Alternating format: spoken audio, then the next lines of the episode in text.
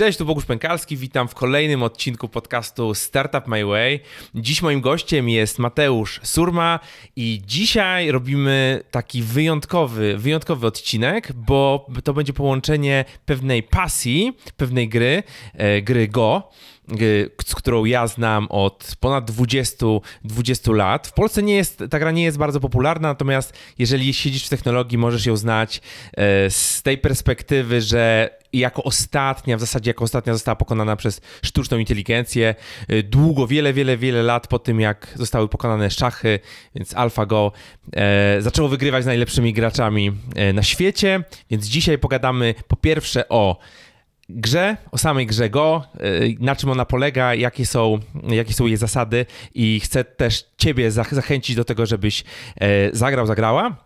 E, I porozmawiamy również o pasji Mateusza y, i do gry, i przejście od tej pasji do biznesu związanego właśnie, właśnie z Go. Więc y, myślę, że będzie bardzo ciekawie. Ja oczywiście Cię zapraszam, jak zawsze, do naszego newslettera związanego z biznesami sasowymi, subskrypcjami, e, czyli do Akademii SAS i do SASLettera. E, wpadnij na akademiasas.pl, można się zapisać za darmo, jeden mail w tygodniu. Także mm, tam Cię zapraszam, a teraz już ruszamy z rozmową z Mateuszem Surmą. Cześć Mateusz. Cześć Bogusz. Witam serdecznie w podcaście. E, powiedz na start, e, kim jesteś i czym się zajmujesz? Nazywam się Mateusz Surma. Jestem graczem w Go. Mm, mam taki tytuł zawodowy gracz w Go. Udało się wygrać coś takiego, że później jest taki tytuł przed, przed nazwiskiem. E, no i e, staram się zawodowo jednak zajmować e, biznesami związanymi z grą Go. Jednak nie graniem, ale rzeczami dookoła, dookoła tej gry. Okej, okay, a powiedz, no to konkretnie powiedz, jak, jakie to są, to są biznesy? No i też tak zacząłeś bardzo skromnie, ale jesteś, byłeś z tego co wiem, pierwszą osobą w Polsce, która dostała tytuł profesjonalnego gracza gracza Go. E, tak. Ile takich osób jest w Polsce? Dwie teraz? Teraz dwie. Teraz dwie. Więc jakby co, to jest big deal, tak? to jest big deal. E, I jeszcze jakbyś mógł rozwinąć o, o, tych, o tych biznesach. O biznesach. Mm, teraz robimy marketplace dla lekcji internetowych w Go. Że są nauczyciele e, i uczniowie mogą zamawiać lekcje z nauczycielami, które będą przez internet. No plus jeszcze jesteś, jesteś autorem, tak? Tak. E, autorem, autorem książek e, w, o, o tematyce GOT. Też chyba niewiele takich książek jest w Polsce, w ogóle w języku polskim. No niewiele. No, myślę, że większość jednak tych, co ja napisałem, napisałem dziewięć książek i no, trochę, trochę brakuje, tak mi się wydaje. Jeszcze ciągle książek do, do nauki gry w Go. Tak, no właśnie, okej, okay, dobra, to w ogóle zacznijmy od tego, czym jest Go. E, tutaj jak ktoś ogląda nas na, e, na, na YouTubie, no to mamy, mamy nawet planszę, czyli, czyli Goban. Mamy, mamy kamienie, o tutaj. O, e, Także powiedz, czym w ogóle jest gra Go i na czym, na czym polega? Go to jest tak mi się wydaje, najstarsza gra planszowa na świecie. Tak dokładnie to ciężko to zbadać, chyba nikt tego nie wie, ale... Chyba 5000 lat jakieś, tak, tak słyszałem. No ponad 4 jest tam jakoś zapisane, a tak dokładnie to chyba nikt tego nie wie, ile, ile, ile mm. to ma lat. Um, no, ta gra jest bardzo popularna w Azji, na Dalekim Wschodzie. W Europie jeszcze nie aż tak, ale myślę, że to się będzie powoli zmieniać. Mm, w grze chodzi przede wszystkim o otoczenie terytorium. To znaczy, kto otoczy więcej terytorium, ten, ten wygrywa mecz. to tak. Zasady są bardzo proste i można w zasadzie wytłumaczyć w ciągu dwóch minut. Jest plansza 19 na 19, gra dwóch zawodników, jeden gra czarnymi kamieniami, drugi gra białymi. Gracze stawiają swoje kamienie na przecięciach na przemian, zaczyna czarny, później biały, czarny, biały, czarny, biały i tak dalej. I mm, za każde otoczone puste przecięcie gracz otrzymuje jeden punkt. Z kolei jeśli otoczy się kamień przeciwnika ze wszystkich czterech stron, tam gdzie dochodzą linie, no to taki kamień się zbija i to teraz jeden punkt. Te punkty się sumuje e, i gracz, który ma więcej punktów, wygrywa. Z tym, że jest jeszcze taka jedna rzecz. E, biały ma utrudnienie przez to, że gra jako drugi i otrzymuje 6,5 punkta, taki bonus. E, no i to też dzięki tej jednej rzeczy nigdy nie może być remisu w Go. Um, No to tak w skrócie. Ta, tak w skrócie. W zasadzie wszystkie zasady już powiedziane, takie główne. Zasady, zasady są bardzo, bardzo proste, takie, takie podstawowe. Natomiast e, ilość kombinacji, ilość możliwości e, jest w zasadzie no, nieograniczona. Czy Oczywiście zawsze jest, jesteśmy czymś ograniczeni, no, ale jest tego multum, tak? Żeby przejść od prostych zasad do pozycji jakiegoś gracza, który, który potrafi grać dobrze. No, możliwości jest bardzo dużo, więcej niż atomów we wszechświecie. To Tak, jest tak. tak. no, no jest tego niesamowicie dużo, że no, 361 przecięć, no, można to próbować jakoś silnią zrobić, z tym, że można też zbijać kamienie i później też czasami grać do środka, że to no, jest tego strasznie dużo, tych możliwości. A jakbyś mógł opowiedzieć trochę, trochę takiej historii w ogóle, w ogóle o, o grze? Nie wiem, czy, czy, czy, czy znasz trochę historię, historię Go, jak to, jak to, się, jak to się rozwijało? A są legendy, Mhm. że to jest wiele możliwości, jak to faktycznie się stało, ale tak najbardziej popularne mi się wydaje, że to jest taka legenda, że dawno, dawno temu był cesarz Chin i miał syna, no ale ten syn się nie bardzo chciał uczyć, a miał być następną tronu i tak, no czegoś ten cesarz szukał, co zrobić, żeby, żeby jego syn zaczął się uczyć, żeby później był dobrym władcą. I zrobił konkurs, mm, zbierał pomysły, co, co można zrobić, żeby jednak, żeby jednak e, przekonać tego syna do, do nauki. No i pojawił się pewien mnich i miał ze sobą Grego. No i on tak jakby wygrał ten konkurs i później został nauczycielem tego syna cesarza i później się okazało, że kiedy ten syn został cesarzem, no to rządził bardzo dobrze i ta gra go tak rozwijała się, że to jako, jako pomoc do, e, pomoc dla później tam cesarzy, generałów i, i tak dalej. Czyli pewnego rodzaju nauka. No właśnie, czego możemy się nauczyć y, grając w Go i dlaczego w ogóle warto grać? Mm, Z tej historii, no to to była gra taka dla generałów, żeby strategie wojenne obmyślać e, i tak, żeby się przygotować na jakieś ataki przeciwnika. E, teraz to jest moim zdaniem głównie gra dla przedsiębiorców. Okej. No wojen już jednak no, cały czas są na świecie, ale tak przede wszystkim jednak, jednak grają w to przedsiębiorcy. No Wojny bo, biznesowe teraz. tak, dokładnie. Tak jak Sztuka Wojny, Sun Tzu, to też książka biznesowa już teraz. No można tak, można tak e, uważać, że, że to już książka biznesowa. No, mm, no, gra Go moim zdaniem jest takim jakby narzędziem dla networkingu dla biznesmenów. To jest jedna rzecz, ale też jednak pomaga mieście, bo to jest no, gra strategiczna. Przede wszystkim ktoś gra w Go, no to będzie znał strategię, uczy się różnych możliwości.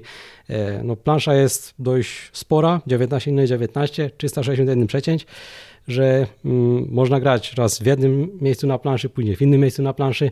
No i e, nie jest człowiek w stanie wszystkiego jakoś przewidzieć, co się dzieje tam lokalnie, ale mm, można by więcej zrozumieć o co chodzi, że a, okej, biorę na przykład e, punkty w tym miejscu na planszy, mniej więcej ten teren będzie tak mm, w przybliżeniu mój, no to tak na przykład e, kupuję tam jakiś, e, jakąś działkę w jakimś tam miejscu na świecie albo inwestuję w ten segment rynku, no to to będzie mniej więcej moje. E, no i mm, tym sposobem później, jeśli ktoś tam na przykład dochodzi, no to pojawia się jakaś konkurencja, e, tak w odniesieniu do rzeczywistości, e, no to mm, moim zdaniem jest to coś, że pomaga, pomaga w tej strategii, żeby jakoś mm, dobrze, dobrze wykombinować, co, mo- co można zrobić mm, no, na danym terenie, jeśli chodzi o Go, czy tak w rzeczywistości, to na różnych rynkach. Tak, no wydaje mi się, że też, że Go uczy bardzo dużo cierpliwości. To też, no partie, jedna rzecz, że mm, można spojrzeć na to z punktu widzenia, że partie mogą trwać długo, że jedna partia może trwać kilka godzin, e, ale jest też coś takiego, że na przykład jeśli mm, ktoś zagra, no to wiele razy nie warto odpowiadać zaraz za przeciwnikiem w tym samym miejscu na planszy, tam w podobnym miejscu na planszy, że mm, niekiedy na przykład przeciwnik zagrał gdzieś i mm, próbuje zyskać jak, ileś tam punktów w danym miejscu, na przykład jeśli się nie odpowie, no to przeciwnik będzie miał możliwość zyskania przypuśćmy 15 punktów, ale może się okazać, że w innym miejscu na planszy można zyskać 17 punktów. No to wtedy już, a warto jednak zagrać coś innego, olać tego przeciwnika i grać, grać w innym miejscu, że może za kilka ruchów te 15 punktów będzie jednak dość duże, no to wtedy warto już odpowiedzieć dopiero wtedy na ten ruch, na ten ruch przeciwnika, że ta cierpliwość też no, faktycznie jest, jest w tej grze. No właśnie. E, to też wydaje mi się, że to jest taka, taka istotna, istotna rzecz e, w biznesie, tak? Budując biznes, no musimy, z jednej strony musimy działać, analizować sytuację, działać teraz, a z drugiej strony musimy być cierpliwi, czekać na te wyniki, tak jak tutaj na planszy. Wynik jest tak naprawdę na końcu, gdzie wszystkie te nasze działania e, łączą się w ilość punktów, które mamy. Też kwestia kalkulacji. I też wydaje mi się, że fajną opcją jest w dzisiejszym, właśnie granie w tego typu gry, w dzisiejszym świecie, który pędzi, gdzie mamy ten attention span na 30 sekund, tak, filmy na, nie wiem, TikToku, gdzie, gdzie po prostu nawet nie, nie, nie, jesteśmy w stanie się skupić na tym, żeby przeczytać jedną stronę e, tekstu, tak, że tylko wiesz, 140 znaków w, w Twitcie, czy, czy filmik 20-sekundowy, a tutaj jednak trzeba tak dosyć mocno wejść, dos, dosyć głęboko, e, tak na, na poziomie takiej, takim psychicznym, tak, że trzeba się skupić, Dokładnie. obserwować te, te, te, te rzeczy i analizować, analizować planszę. Powiedz mi, jak byś porównał, porównał go do szachów, które obecnie święcą po prostu rekordu, rekordu popularności, między innymi przez, przez serial, który, przez serial, który, który został, został nagrany. E, jakbyś, jakbyś porównał te dwie gry? No jest trochę różnic. Mm, jedna rzecz, mm, w Go każdy kamień to jest jakby jedna wartość. Nie ma żadnego znaczenia, który z, z danych kamieni, mm, gdzie jest jakby. Nie, nie ma znaczenia inaczej. Wartość, e, wartość każdego, każdego kamienia. W szachach są figury i każda figura może robić coś innego. W Go każdy kamień po prostu ustawia się na planszy i to tam stoi. Bo w szachach też jest ta różnica, że mm, te figury mm, krążą po planszy, że się przesuwają z jednego miejsca na inne. Na wgo no, kamień się postawia i to tam stoi do końca gry, chyba że zostanie zbity, no to wtedy znika, znika z planszy, ale nie ma żadnego przesuwania. Um, kolejną rzeczą jest e, brak remisów, że w szachach te remisy no, powtarzają się jednak dość wiele razy. No, w Go no, nie ma czegoś takiego. E, później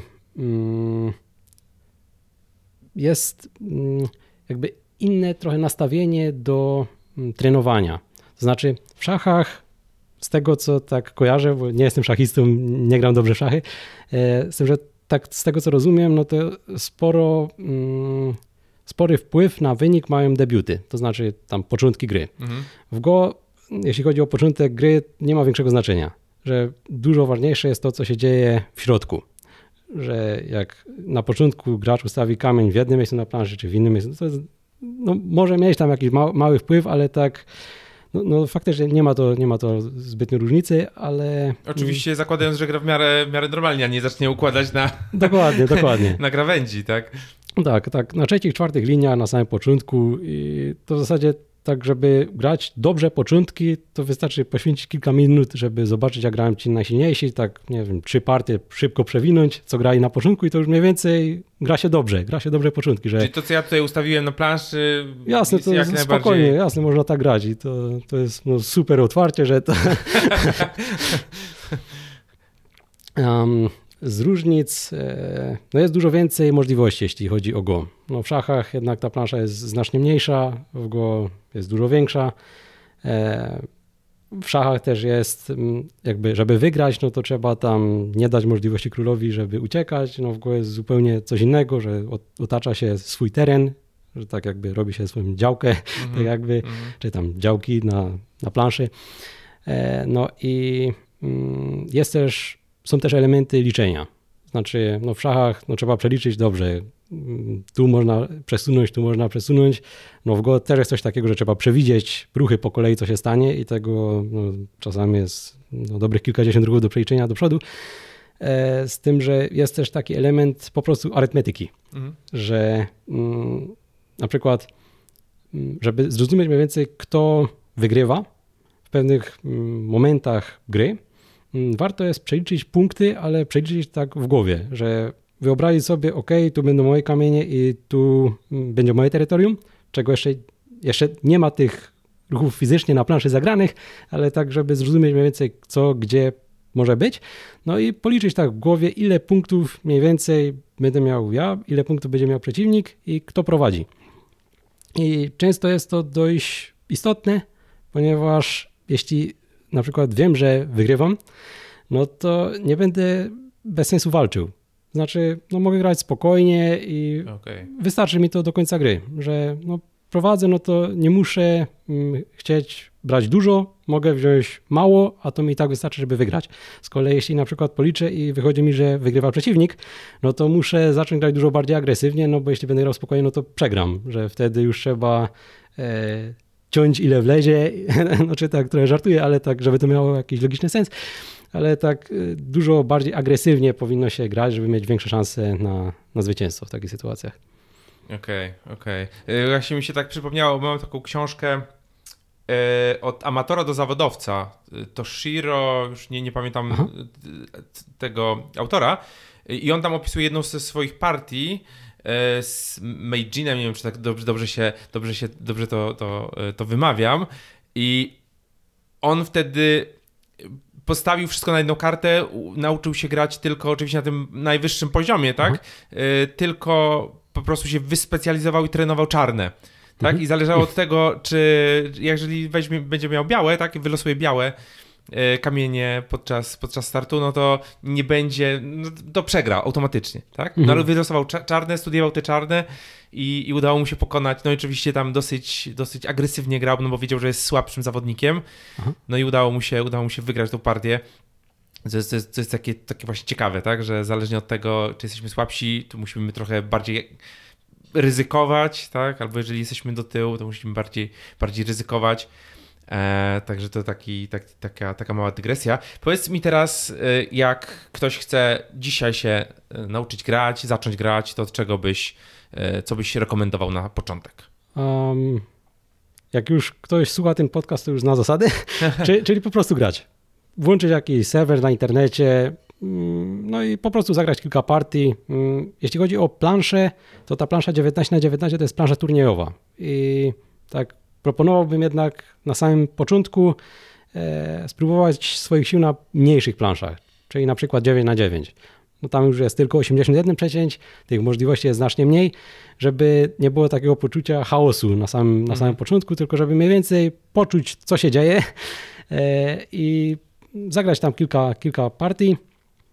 Mm, Przede wszystkim zobaczyć, czy się będzie podobać, czy nie. Jeśli się nie będzie podobać, no to już no, nie ma sensu w zasadzie kontynuować.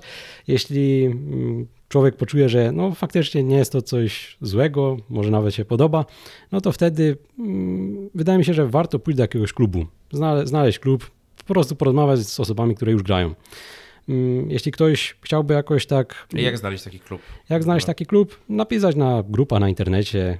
Ktoś odpisze, że tam, a wpadaj do nas, jesteśmy tam w Warszawie, Krakowie, Wrocławiu i w różnych innych miastach. Jest taka grupa, tak, polskich, polskich goizów. Są. Go w Polsce. Tak, Tak, tak. no to jest jedna możliwość. Można też na internecie mm, porozmawiać z graczami, tam są różne serwery, mm, jest OGS, KGS, Pandanet. E, Tam można znaleźć na przykład na KGS-ie, takim serwerze, mm, jest polski pokój i tam no, są osoby, które mówią po polsku, no to można spokojnie się tam spytać, e, o co chodzi. Jeśli ktoś, ktoś jednak wolałby sam coś robić, mm, no to oprócz grania mm, można rozwiązywać zadania. Bo tak już wcześniej powiedziałem, że w szachach to tam te debiuty mają sporo znaczenia, w go liczenie do przodu, że przewidywanie, co się może stać i tak mm, jeśli chodzi o siłę gracza, to moim zdaniem dużą część tej siły to jest e, możliwość przewidywania do przodu i to się Mhm. trenuje poprzez rozwiązywanie zadań, że jest jakieś zadanie, mm, jest na przykład ileś tam kamieni w rogu, ileś moich, ileś od przeciwnika, e, no i trzeba tak pograć, żeby cała grupa od przeciwnika została zbita. I to może być ruchów no, sporo do przeliczenia, ale to tak się trenuje, żeby jednak coraz więcej, coraz więcej, coraz więcej być w stanie, być w stanie przewidywać e, coraz lepiej te, te sytuacje, żeby później grać, grać lepiej. Bo tak na przykład jeśli e, ktoś mm, zagra odrobinę lepiej tam na początku Mhm. i będzie miał dwa punkty więcej, no to super, jest dwa punkty więcej. A jeśli ktoś zbije grupę przeciwnika, no to tych punktów może mieć więcej o 50.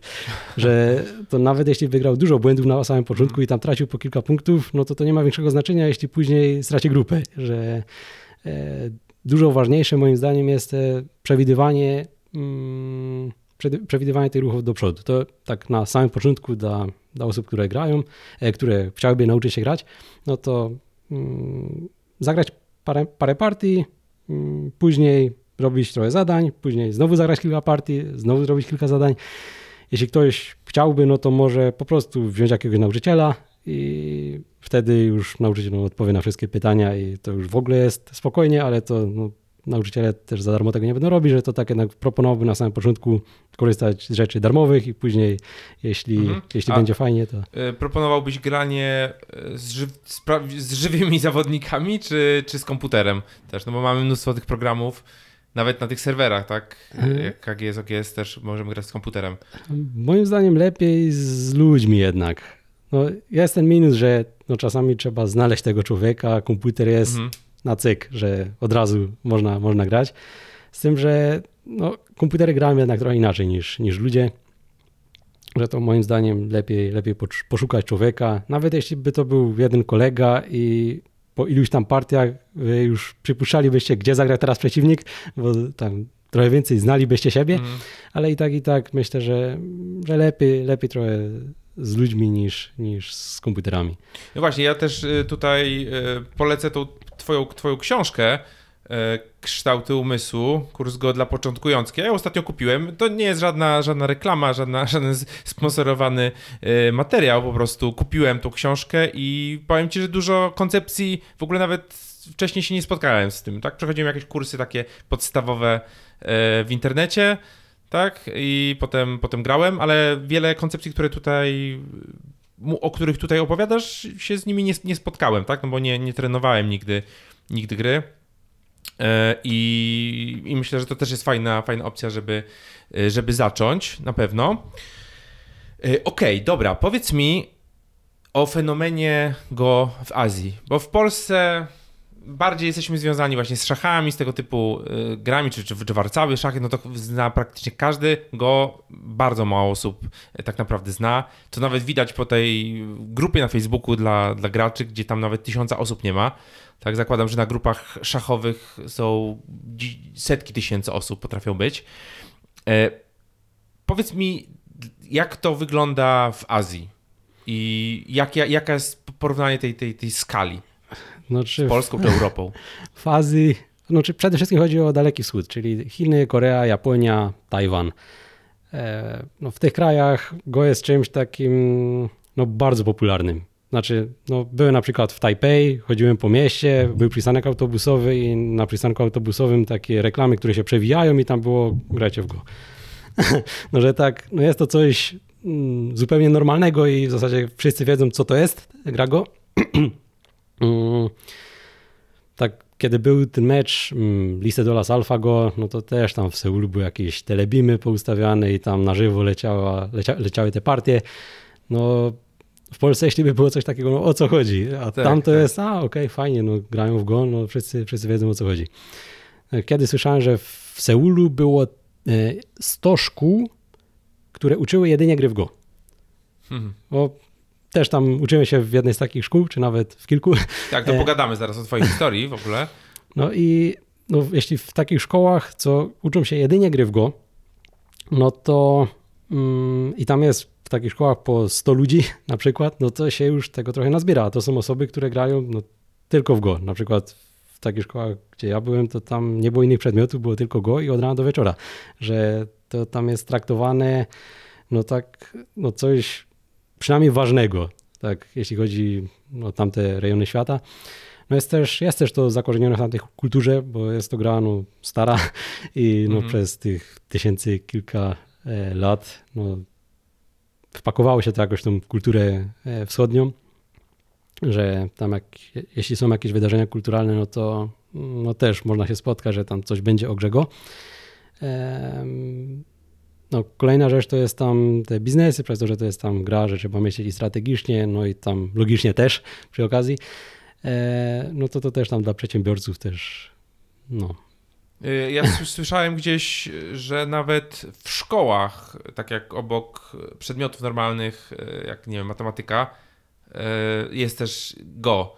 no są, są takie lekcje, tak. Są takie lekcje. Tak. No- Normalnie w, w szkole, nie wiem, podstawowej czy, czy w jakiejś wyższej. Mm, Myślę, że to są zwykle zajęcia dodatkowe, Okej. z tym, że no, można się spotkać z takim czymś. Um, tak z ciekawostek, w koreańskim wojsku uczą na przykład go, O, że no, człowiek idzie do wojska i tam no, biega, ale e, są też zajęcia z go, z go, tak żeby no, potrafili myśleć ci ludzie, którzy, którzy tam idą. a myślisz, y, jakbyś porównał w ogóle y, tą scenę, właśnie ten Daleki Wschód kontra Europa, y, kontra Stany Zjednoczone? Czy w Stanach Zjednoczonych też, też jest to po, popularne, czy, czy tak jak, na, jak w Europie, czy, czy mniej jeszcze? Mm, Znaczy w Stanach, jeśli by tak spojrzeć na graczy, no w Stanach jest sporo imigrantów. Mhm. To znaczy sporo osób z Azji lub ich rodziców przyjechało z Azji do Stanów, no i no, tam grali w Go, no to w Stanach no, też grają w Go. Że tak, jeśli by spojrzeć na przykład na pierwszą pięćdziesiątkę z rankingu w Ameryce, to takich nie pochodzenia azjatyckiego będzie może jedna, jedna dwie osoby. Że no, w Europie to jest zupełnie inaczej, że w Europie jednak ci miejscowi ludzie grają, e, czy tam no, nie, nie imigranci ze wschodu. No, w Stanach jednak to wygląda trochę inaczej. E, no, że tam, no, w Stanach, mm, jeśli chodzi o takie grupy azjatyckie, no to tam no, będą grali w Go. Mm, W Europie e, myśl, myślę, że tych osób jest jednak mniej. E, no i no, jest to trochę postrzegane jako coś bardziej niszowego, no a w Azji to tam no, full wypas. E, No, no, jest Europa jest w ogóle w stanie dogonić, gracze europejscy dogonić tych graczy z Dalekiego Wschodu? Albo przegonić nawet? Czy... Znaczy myślę, że zawsze będzie taka możliwość, e, z tym, że no, chodzi o szansę. Jeśli na przykład w Azji tam gra kilka milionów, czy tam nawet więcej niż kilka milionów osób, tam kilkanaście, czy może nawet kilkadziesiąt milionów mm, osób gra w tą grę, e, no a w Europie tam kilkanaście tysięcy może, no to no jest, tam jest czego wybierać. No i- tak, tak, tak. Statystyka po prostu. Tak? Jak Tak. gra 100 tysięcy osób, no to znajdzie się 5 osób wybitnych. Na przykład na, na to 100 tysięcy. Jak będzie grało tysiąc, no to wiadomo. Znaczy tam mm, no Azji jest coś takiego, że są te szkoły i tam grają od rana do wieczora, no i tam jest kilkadziesiąt tysięcy co najmniej, co od rana do wieczora uczą się tylko gry w go. No to jak z nimi konkurować, tak, jeśli się tego nie robi, że się nie, No trenuje, nie trenuje w go. No a tak faktycznie co będzie grać, no to kiedy słyszałem, że w samych Chinach grało jakoś 40 milionów osób, e, że było graczami go. No a to było też jakiś czas temu, teraz w Chinach się, mi, się wydaje, że jed- jednak się to jeszcze rozwija trochę bardziej niż, niż kiedyś, no to no, będzie tych osób sporo.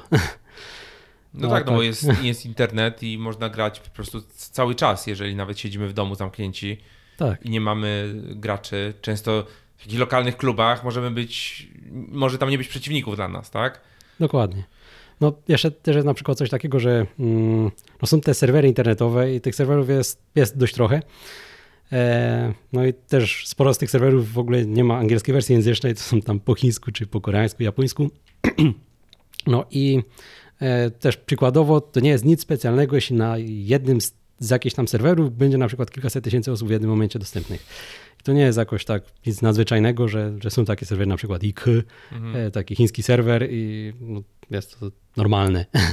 No a w Europie ten serwer jest no, bardzo mało znany. Że, Tak, tak, no tak. No niesamowite. A powiedz mi, da się y, żyć z gry? Jasne. znaczy, no jest kilka możliwości, tak mi Mhm. się wydaje. No, czy wiadomo, jak ktoś robi biznes, no to No to Tam- pomijamy to, tak? pomijamy to, ale nawet z grania w turniejach da się żyć. Jakie są nagrody w, w turniejach? A znaczy, Mniej więcej, tak? mniej więcej to w ciągu ostatnich dwóch lat, no to tak ciężko powiedzieć, bo tam lockdowny i dużo turniejów po prostu przestało istnieć. E, no nie było tych turniejów rozgrywanych, Mhm. No a tak przed tym, przed tym chaosem, e, tak myślę, że było kilka, kilkanaście turniejów w ciągu roku, na których za pierwsze miejsce było kilkaset tysięcy dolarów. Kilkaset tysięcy dolarów. Tak, A to porządne pieniądze. porządne. A za kolejne miejsca to były... No też były jakieś tam nagrody, no oczywiście mniejsze, Mniejsze. ale też można było coś tam... Udało ci wygrać jakiś taki turniej? Nie no, bez przesady. Albo dojść do jakichś Znaczy najwięcej 10 tysięcy euro. 10 tysięcy euro. To tak najwięcej, co w jednym turnieju, co mi się udało wygrać. Okej. A te turnieje to są właśnie azjatyckie, czy w Europie też są takie turnieje, że można kilkaset tysięcy... E, To był Dolarów. największy turniej w Europie. Wtedy to było te 10 tysięcy euro, które, które udało mi się wygrać. W Chinach kilka I razy. to było za pierwsze miejsce, tak? To było za pierwsze Okej. miejsce. W Chinach kilka razy wygrałem coś w okolicach 5, 5 tysięcy, co nie byłem na żadnych pierwszych miejscach, Mhm. po prostu tam wygrywałem jakieś partie i e, no, kilka razy udało mi się coś w tych rejonach powygrywać. Okej, okej.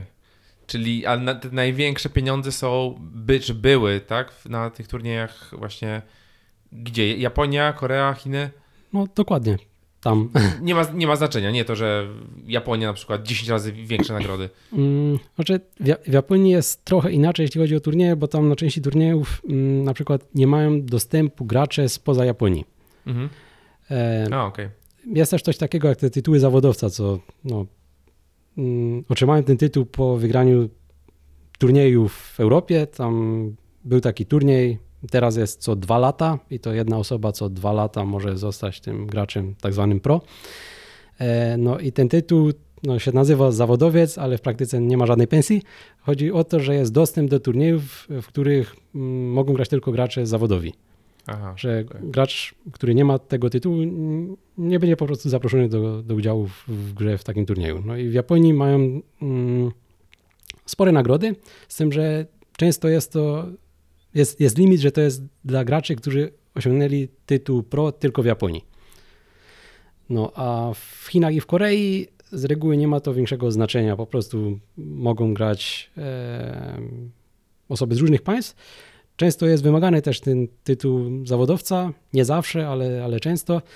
E, No i tak jest to jakby bardziej możliwe, żeby wygrać mm, dla osób z Polski, żeby Mhm. wygrać jednak w Korei czy, czy w Chinach. Jakbyś jeszcze powiedział, jak wygląda ten system rankingowy? Tak jak zaczynamy, jaką mamy tą siłę, aż do, aż do tego najwyższego odznaczenia. Jeśli ktoś się interesuje tam na przykład karate czy judo, no to będzie kojarzył. Mm, Jeśli ktoś zaczyna grać w Go i tak już gra na tej planszy 19 na 19, że potrafi zarać cały mecz, no to ma 20 Q. Później gra trochę lepiej, 19, jeszcze lepiej 18 i tak to idzie aż do pierwszego Q. A później są stopnie mistrzowskie, czyli jeden dan, dwa dan, trzy dan i tak aż do, aż do siódmego dana. Mm, To tak normalnie było, jeśli ktoś ma odpowiednio wysokie tam jakieś rankingi, w niektórych systemach, w niektórych krajach może być też 8 dan, ale z reguły jest do, do 7 dan i później są stopnie zawodowe. 1 dan pro, 2 dan pro, 3 dan pro i, i tak aż do, aż do 9 dan pro. E, No z tym, że mm, te stopnie do, te stopnie amatorskie do tego 7 dana to są w oparciu o rankingi, Mhm. że jest coś takiego podobnego jak na przykład w szachach, ten ranking ELO, no to w Europie jest no coś takiego, co działa podobnie, a, a później te stopnie zawodowe to już są w oparciu o wygrane w turniejach, że ktoś wygra jakiś tam turniej, to otrzymuje ileś tam innych takich punktów i później można e, tam otrzymać dwa Dan Pro, jeśli na przykład ktoś wygra turniej taki bardzo duży, międzynarodowy, no to może tam ten 9 Dan Pro e, no, osiągnąć. A bardzo się różni ta gra y, na poziomie tej, tym profesjonalnym od tej na poziomie takim danowskim, nieprofesjonalnym? Um, jeśli, no, ciężko powiedzieć, w zasadzie zależy też od rejonu świata. E, no jest, jest jakaś tam różnica, że no, ci gracze, którzy grają tam o te najwyższe nagrody, no to no, są siłą rzeczy trochę, mają trochę siłą rzeczy wyższy poziom. Tak. Em, Z tym, że no, ci, co grają amatorsko, no to też mogą nie być słabi. No, może po prostu ktoś nie chcieć grać w, takim, Mhm. w tamtych turniejach. Też może ćwiczyć w domu, ale no, po prostu nie chce i, i też może mieć wysoki poziom. Że to tak bardziej też zależy od e, widzi się każdego z zawodników, czy, czy chce jakby poświęcić bardziej swoje życie żeby grać w zawodach, czy jednak gra w go przez to, że mu się to podoba i tam wie, że no, pomaga w myśleniu, ale no, jednak zawodowo robi coś, coś innego. No dobra, to powiedz mi, jak ty się zacząłeś, jak ty zacząłeś grać, jak, jak się nau nauczyłeś i jak wyglądał ten twój rozwój? A, mój tata grał w Go. No i to jest... A sk skąd, skąd on się, gdzie on się spotkał z tym? A kiedyś e, grał w piłkę nożną i tam awansowali chyba do piątej ligi i później w jakiejś tam gazecie było zdjęcie drużyny i że tam jest awans, no a pod spodem był artykuł o grze w Go. No i tak tata się zainteresował, poszedł do klubu, to było we Wodzisławiu Śląskim, no i grał. Zaczął grać w Go. Tam chwilę pograł Go, później korki odrzucił i zostały plansze. No i tak zaczął, zaczął grać w Go. Do jakiego poziomu doszedł? Też do jakiegoś takiego... Do drugiego dana. A, okej. Okay. Czyli dosyć wysoko. Nie był zawodowcem, mhm. no, ale miał ten stopień, stopień mistrzowski. No i mm, no, później uczył i mnie, i mojego brata. E, no, zacząłem grać, gdy miałem 6,5 roku. No i tak no, na samym początku w domu po prostu. Znaczy w ogóle zacząłem grać na wakacjach, że tak, no. I grałem i z tatą, i z mamą. Mama też grała w go, nie grała tam na jakimś bardzo wysokim poziomie, z tym, że no też potrafiła grać, no i to no, był w zasadzie mój pierwszy przeciwnik, rywal, to była mama. E, no później tata, no i później no, trenowałem jakoś tak sam w domu, no a gdy I miałem... na czym te treningi polegały? Treningi, mm, znaczy... No wtedy nie, nie za bardzo się dało przez internet grać, czy już grałeś przez, przez internet też? Gdy zacząłem, to nie za bardzo. Znaczy, no, grałem w turniejach, chodziłem do klubu, ale tak w domu, no to no, przede wszystkim rozwiązywałem zadania, mhm. że to takie zadania na życie i śmierć, no, to się tak nazywa, ale to w praktyce chodzi po prostu o tam zabicie pewnej grupy kamieni przeciwnika, że to no, głównie, głównie tak trenowałem, że rozwiązywałem te zadania. E, później pojawiły się też tam jakieś analizy meczy zawodowców, że też poglądałem tam partie po kolei, jak tam grali i tak się zastanawiałem po prostu, czemu zagrali tu, albo czemu zagrali mm. tu. Tam w niektórych książkach są też jakieś omówienia, komentarze, no to też można przeczytać, a ten ruch był zagrany, bo coś tam. Że na przykład, e, tak upraszczając, jeśli ktoś ma silną grupę, e, na przykład nie warto grać blisko tej silnej grupy, no bo wtedy jest łatwo zaatakować. Jeśli ktoś ma siłę, no i ktoś gra blisko, no to boom, atak i to już nie będzie dobrze. No coś, coś w tym stylu. Że tak, no głównie granie, mm, zadania, no i tam ta analiza, analiza partii mm, tych najsilniejszych graczy. I kiedy zacząłeś odnosić pierwsze, pierwsze sukcesy? I co to było? A po dwóch latach miałem, zająłem piąte miejsce na Mistrzostwach Europy Juniorów. I to było coś, no wow, wtedy. Bo Ile miałeś lat? Miałem niecałe 9, 8,5 i miałem piąte miejsce do lat 12. Że wow. to tak. I wtedy jechałem na Mistrzostwa Świata Juniorów do Kanady. To tak. wtedy, w wieku 9 lat. Tak. No i tam byłem chyba w ogóle najmłodszy z tych osób, co tam grali, bo do lat 12 mhm a tylko dwie osoby z Europy jechały. No, byłem piąty, ale udało się, bo tam jako rezerwowy, przez to, że tam przeciwnik nie był w stanie pojechać i tak jakoś się udało, udało tam pojechać do, do Kanady i to było tak, no, fajnie. Mm, no tak, w juniorach trzy razy wygrałem Mistrzostwo Europy Juniorów. Mm, później już w kategoriach takich Open, no, e, cztery razy zająłem drugie miejsce w Mistrzostwach Europy Zawodowców. Niestety nigdy nie udało mi się wygrać. To tak, szkoda trochę, no, ale no, cztery razy drugie miejsce no, też było fajnie. W Mistrzostwach Europy? W Mistrzostwach Europy zawodowców. Kto, kto wygrywał tam? Hmm, różnie. Na samym początku Fan Hui to mhm. był ten gracz, który grał e, z AI, z, tak, Alpha, z AlphaGo z jako, tak, jako tak, pierwszy. No właśnie, o niego mi chodziło w zasadzie. E, to na początku on, później też Ilya Szykszyn i Artem Kaczanowski też kiedyś tam wygrali.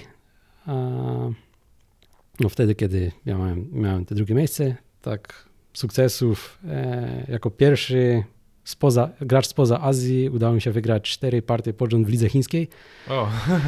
No, że to tak, no, z tego się cieszę. Mm, później tam były jakieś, mm, na przykład, że udało mi się wygrać kwalifikacje na Samsung Cup. E, no w zasadzie to tak z takich głównych rzeczy to Myślę, że myślę, że tyle. No tam były jeszcze turnieje w Europie, że też tam udało mi się kiedyś wygrać Wielki Szlem, tam Grand Prix Europy i tym podobne. E, no myślę, że mniej więcej. Całkiem, więcej całkiem nieźle, całkiem nieźle. Czyli w sumie jesteś jednym z takich najbardziej odznaczonych e, Polaków, tak? Goistów. Myślę, że tak. No, nigdy nie wygrałem Mistrzostwa Europy. Janusz Kraszek wygrał. A. Że jest, jest Polak, który, który wygrał Mistrzostwa Europy. E, no ale poza tym no, myślę, że jednak byłbym tam w czołówce. Jesteś, jesteś, jesteś w tej czołówce. Powiedz mi, a jak trafiłeś po raz pierwszy do, do Azji, tak? No bo grałeś w Polsce, grałeś, grałeś w Europie, nie wiem, czy trenowałeś poza Polską jeszcze, e, ale pojechałeś trenować do, do Azji. Gdzie trafiłeś i jak to się w ogóle stało? A Gdy miałem 12 lat, e, byłem na Mistrzostwach Europy, już dla Open, dla wszystkich, e, we Szwecji i tam przyjechali ludzie ze szkoły Go z Korei. I tak, no, oglądali, co się dzieje w Europie. E, No i tak się też trochę zainteresowałem, wysłałem formularz, e, żeby tam no, się zapisać do szkoły po prostu do Korei. Tam też było, że część osób może mieć jakieś stypendia, e, które są w miarę młode i mają siłę, powiedzmy, ok. E, No i po roku udało mi się tam dostać. I miałem niecałe 14 lat i jechałem do Korei, do, do szkoły. No była to szkoła... Do Seulu? E, do Hengsung. To było mm, na wsi w zasadzie. Aha, okej. Tak, szkoła na zupełnym odludziu. Po prostu, żeby nie kusiło nic innego. No, grajcie w go i, i zapomnijcie I o, o innych rzeczach. No jak, jak to wyglądało? Mm, Zajęcia były po angielsku w tej szkole. Mm, To też no, dla mnie było coś wtedy dziwnego, bo w Polsce, no dobra, miałem angielski w szkole, ale ale w tamtym czasie, no to w zasadzie w tej Korei nauczyłem się jakoś tam angielskiego lepiej, że już tak, no, byłem w stanie się płynnie dogadać później.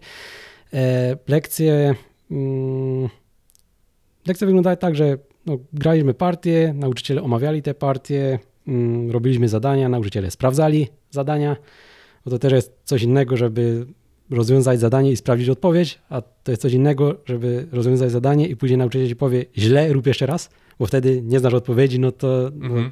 ten wysiłek trzeba jeszcze raz włożyć i jak tak robisz już kilka błędów, no to no jednak bardziej się dokłada, żeby, żeby to zrobić, a tak widzisz odpowiedź, aha, to powinno być tu, no to no w głowie to jednak nie zadziała, żeby umieć Tak. przewidzieć do przodku, po prostu nauczysz się odpowiedzi, a to nie o to chodzi, bo w głowie jest tak dużo możliwości, że to nie chodzi o to, żeby się e, wykuć na pamięć jakieś tam warianty, ale żeby faktycznie wymyśleć o co, o co chodzi. To też chyba jest taka różnica między szachami. Szachy są chyba bardziej takie pamięciowe, że często są podobne układy na planszy. Mm, No jest dużo mniej miejsca, Mhm. tak no z tego co mi się wydaje, no to wiele ruchów tam na starcie partii w szachach, no to jest po prostu klepanie na pamięć. W go w niektórych sytuacjach też może być tam na przykład w takich sytuacjach lokalnych, w jakimś tam rogu, że to też jest no, granie tam bardzo szybko, jakieś tam ruchy na pamięć, ale często no, trzeba jakoś połączyć to w całość, no i to już no, wymaga większego myślenia i to są sytuacje, które się no, nie powtarzają w zasadzie że no, chodzi w tych zadaniach o to, żeby jakoś umieć przewidzieć, a nie nauczyć się, nauczyć się na A pamięć. w tej szkole, szkole w Korei, tej pierwszej szkole byli nie Azjaci też? E, Czy- Ta szkoła w zasadzie była przede wszystkim dla osób spoza Korei, Okej. dla cudzoziemców. Mhm. Mm, No i Ale nauczyciele byli z Korei. tak, nauczyciele byli z Korei, ale uczniowie byli no, z, innych, z innych państw świata. No i no, w- tej szkole no, też nauczyciele tam robili czasami jakieś wykłady, chociaż e, no, wykładów nie było aż tak dużo. No, głównie to rozchodziło się o to, żeby grać partie i później nauczyciel omawia te partie, że Mhm. e, faktycznie na podstawie tego, co uczniowie grają źle, żeby się no, jak najbardziej efektywnie wykorzystać czas, żeby na podstawie tych błędów faktycznie od tych uczniów, e, żeby no, grać lepiej. No to nauczyciele omawiali tego typu, tego typu sytuacje najczęściej i to no, był główny trening to partie i omówienia, partie, omówienia, no i tam czasami zadania, Ile czasami jakiś wykład. takie coś trwało? E, Zależy od szkoły, bo później jeszcze byłem w innych szkołach. W tej pierwszej szkole było tak raczej luźno, Mhm. mm, że to tak, jeśli dobrze pamiętam, to zajęcia się zaczynają od dziewiątej, no później tam była jakaś przerwa, przerwa na, obiad i tak później do jakoś 18, coś, coś w tym stylu i to było mm, no luz w zasadzie. Okej, 9 do 18 go. No, cię, no, mi się wydaje, że nie ma szans spotkać takiej sytuacji w szkole dla, mm, przepraszam, dla mm, miejscowych. Bo później, no byłem w tej pierwszej szkole i tam byłem 5 miesięcy.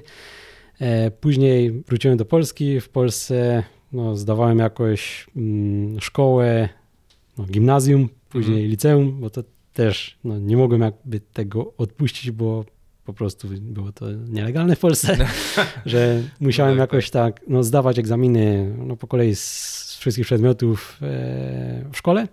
No, nie chodziłem na zajęcia w Polsce do szkoły, ale kiedy przyjeżdżałem, no, to musiałem się uczyć jakoś tam we własnym zakresie.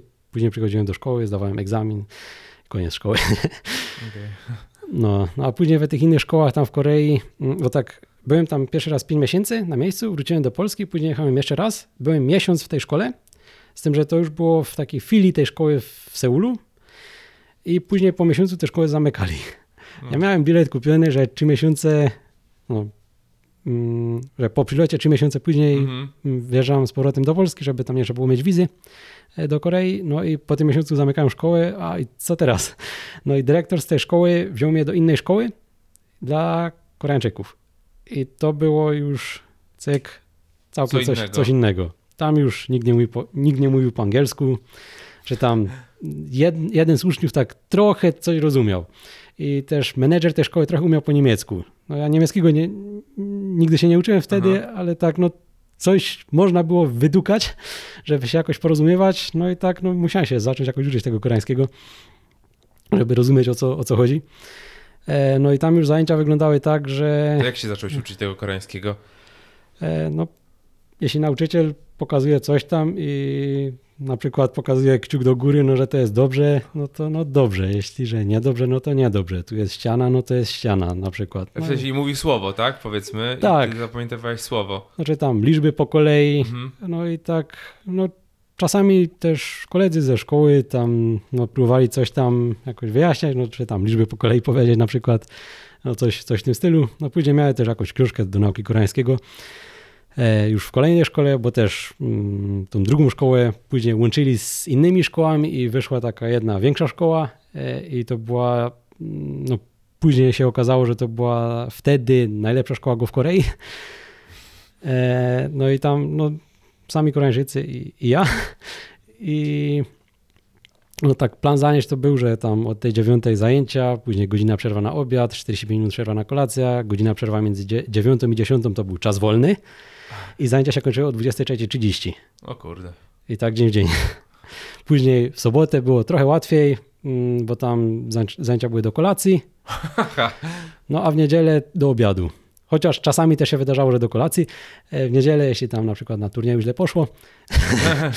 No i też jeszcze były czasami te turnieje, że tam w weekendy graliśmy w turniejach, no to też nie wszystkie turnieje były w Seulu, bo też ta szkoła już była w Seulu i czasami trzeba było gdzieś dojeżdżać, no to no, jechaliśmy na turniej rano, wracaliśmy w niedzielę, czy tam w nocy z niedzieli na poniedziałek. E, No i to tak był, no, no jest to coś, co w Polsce no, w szkole no, nie widuje się takiej sytuacji, Mhm, jest to no, mhm. zupełnie coś, coś innego. Tam jest, no po prostu, żeby być jak najlepszym, no to trzeba, trzeba się dokładać i, i tyle. I Dużo ci to dało? Właśnie ta, taki, taki trening mocny. Mm, Ile tam, ile tam trenowałeś? Dwa miesiące? W, w takim trybie? Nie, kilka lat. Kilka lat. Tak, W takim trybie. tak. Okej, bo ja zrozumiałem, że y, miałeś trzy miesiące do wylotu, szkoła po miesiącu się zam, zam, zamknęła, myślałem, że dwa, dwa miesiące tylko zostały. Kilka lat, to powiedz, jak kilka lat coś takiego przetrwać? Mm, Znaczy, z- zacząłem po pierwszej klasie gimnazjum, a skończyłem do końca liceum. I to mniej więcej w takim trybie. No, byłem w Korei, później wracałem do Polski, w Korei do Polski. No, wracałem do Polski, no to też nie było dużo łatwiej, no bo to, co się normalnie Mhm. uczniowie uczyli tam przez cały rok, no to miałem dużo mniej czasu. Mam gdzieś szkołę nadgonić po No prostu. tak na przykład całą drugą klasę liceum zdawałem w ciągu dwóch tygodni i to był czas na nauczenie się wszystkiego i zdanie egzaminu. No, I udawało się to jakoś. Udawało się, no wiadomo, że tam oceny, no szału nie było, Mhm. no ale udawało się zdawać, że to tak, No nie był to twój priorytet, tak, żeby... no tylko żeby zdać, żeby później nie było problemu, żeby można było jechać do Korei jeszcze raz. E, No bo tak, jeśli bym nie zdał, no to wtedy już można by było ciężej dostać jakieś zgody, żeby, żeby Mhm. można było poje- pojechać jeszcze raz. No tam w gimnazjum i w liceum było fajnie, tam dyrekcja szkoły super, że zgadzali się, żebym Mhm. tak mógł mm, być w szkole, żeby nie być. W ogóle, kiedy szukałem liceum w Polsce, żeby się zapisać, no to było dzień dobry, czy mogę się zapisać do tej szkoły, tak, żebym nie chodził na zajęcia. No i mm, liceum w Rydutowach się zgodziło, no i super i jechałem, jechałem do Tak, Korei. Po prostu sportowcem. tak? No tak, tak było. No a tam w Korei, no dostosuj się albo gin, no, no to trzeba było się dostosować. Miałeś jakieś cięższe momenty, będąc tam w Korei? Bo jednak byłeś młody, tak? Z, z dala od, od domu. Język też zupełnie obcy, kultura zupełnie obca. Było tak, no było trochę cięższych momentów, jeśli tak, mm, no były złe okresy typu Mhm. no jest turniej i buch, same wtypy. No to wtedy no jest kiepsko, no tak Okej. mentalnie. No też jeszcze pamiętam, miałem kiedyś sytuację, że mm, miałem chyba 17 przegranych i jedną wygraną. I to było tak, no kurczę, no, no o co chodzi? No, tak się nie, nie robi. I to Mhm. jeszcze też nie było, że tam grałem z dużo silniejszymi ode mnie, ale tak no, na poziomie mniej więcej równym, czy tam może mm, z ludźmi, którzy mieli odrobinę wyższy ranking, no ale takie sytuacje no, nie powinny się wydarzać. No to wtedy no, no było ciężko, żeby jakoś wytrzymać sam ze sobą.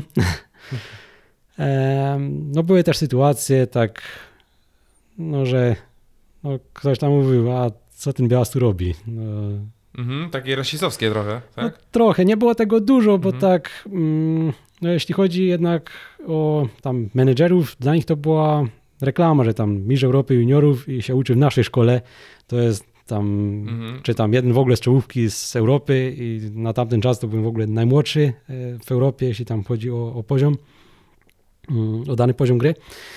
E, no to no była to jakby reklama dla tej szkoły, że jeśli była wizytacja na przykład potencjalnych, e, znaczy rodziców od potencjalnych uczniów, Mhm.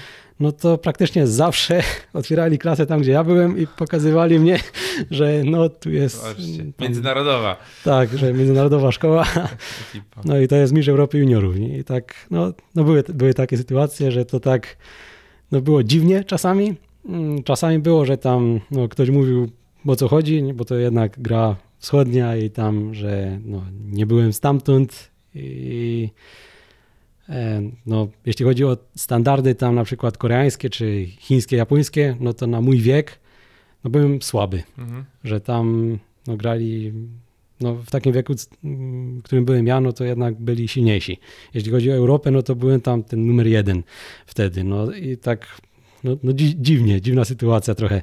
No tak, czyli widać po prostu tam jest ta ilość treningu robiła tą, tą, tą, tą robotę, tak? Że po prostu jeżeli... A od jakiego wieku dzieci potrafią tam zaczynać grać w takim trybie No tak czasami 5 lat. 5 lat nawet, No, tak? Rodzice zapisują dziecko do takiej szkoły i to dziecko gra w go. I Od rana do wieczora. od rana do wieczora. Czasami jest robione coś takiego, że mm, dziecko chodzi też do normalnej szkoły, to znaczy tam ma matematykę, Mhm, koreański, mhm. fizykę i tak dalej. E, Z tym, że czasami w ogóle polewają rodzice coś takiego, że no, dziecko się uczy tylko grać w go.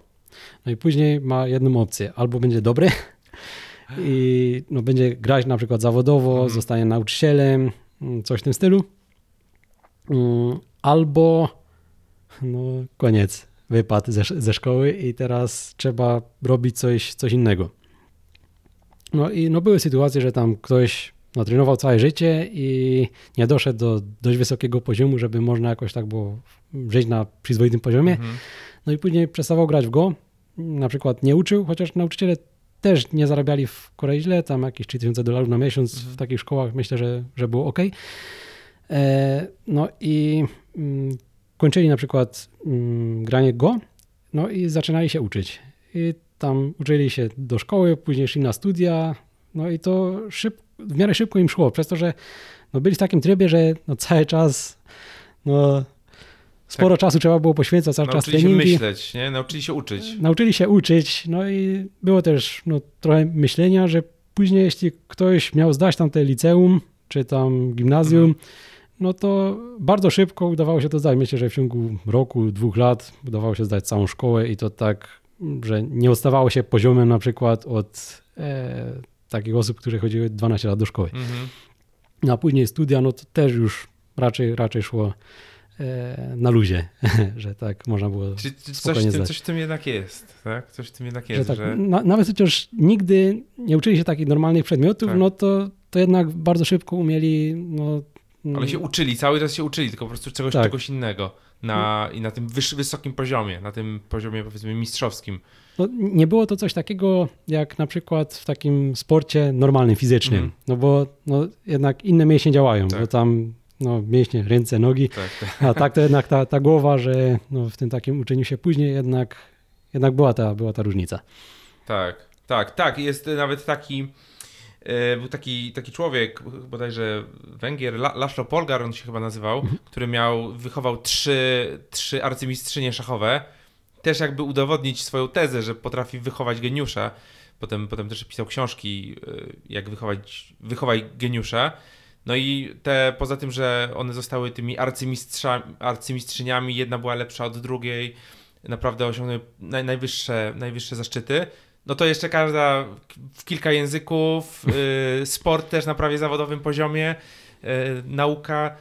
y, I często właśnie jest taki zarzut, że jak ktoś jest skupiony na jednej rzeczy, typu na przykład na go, czy na szachach, czy na, na jakiejś jednej konkretnej rzeczy i dochodzi do tego poziomu mistrzowskiego, no to będzie zupełnie nie poradzi sobie z niczym innym w życiu, tak? Z nauką i tak dalej, i tak dalej.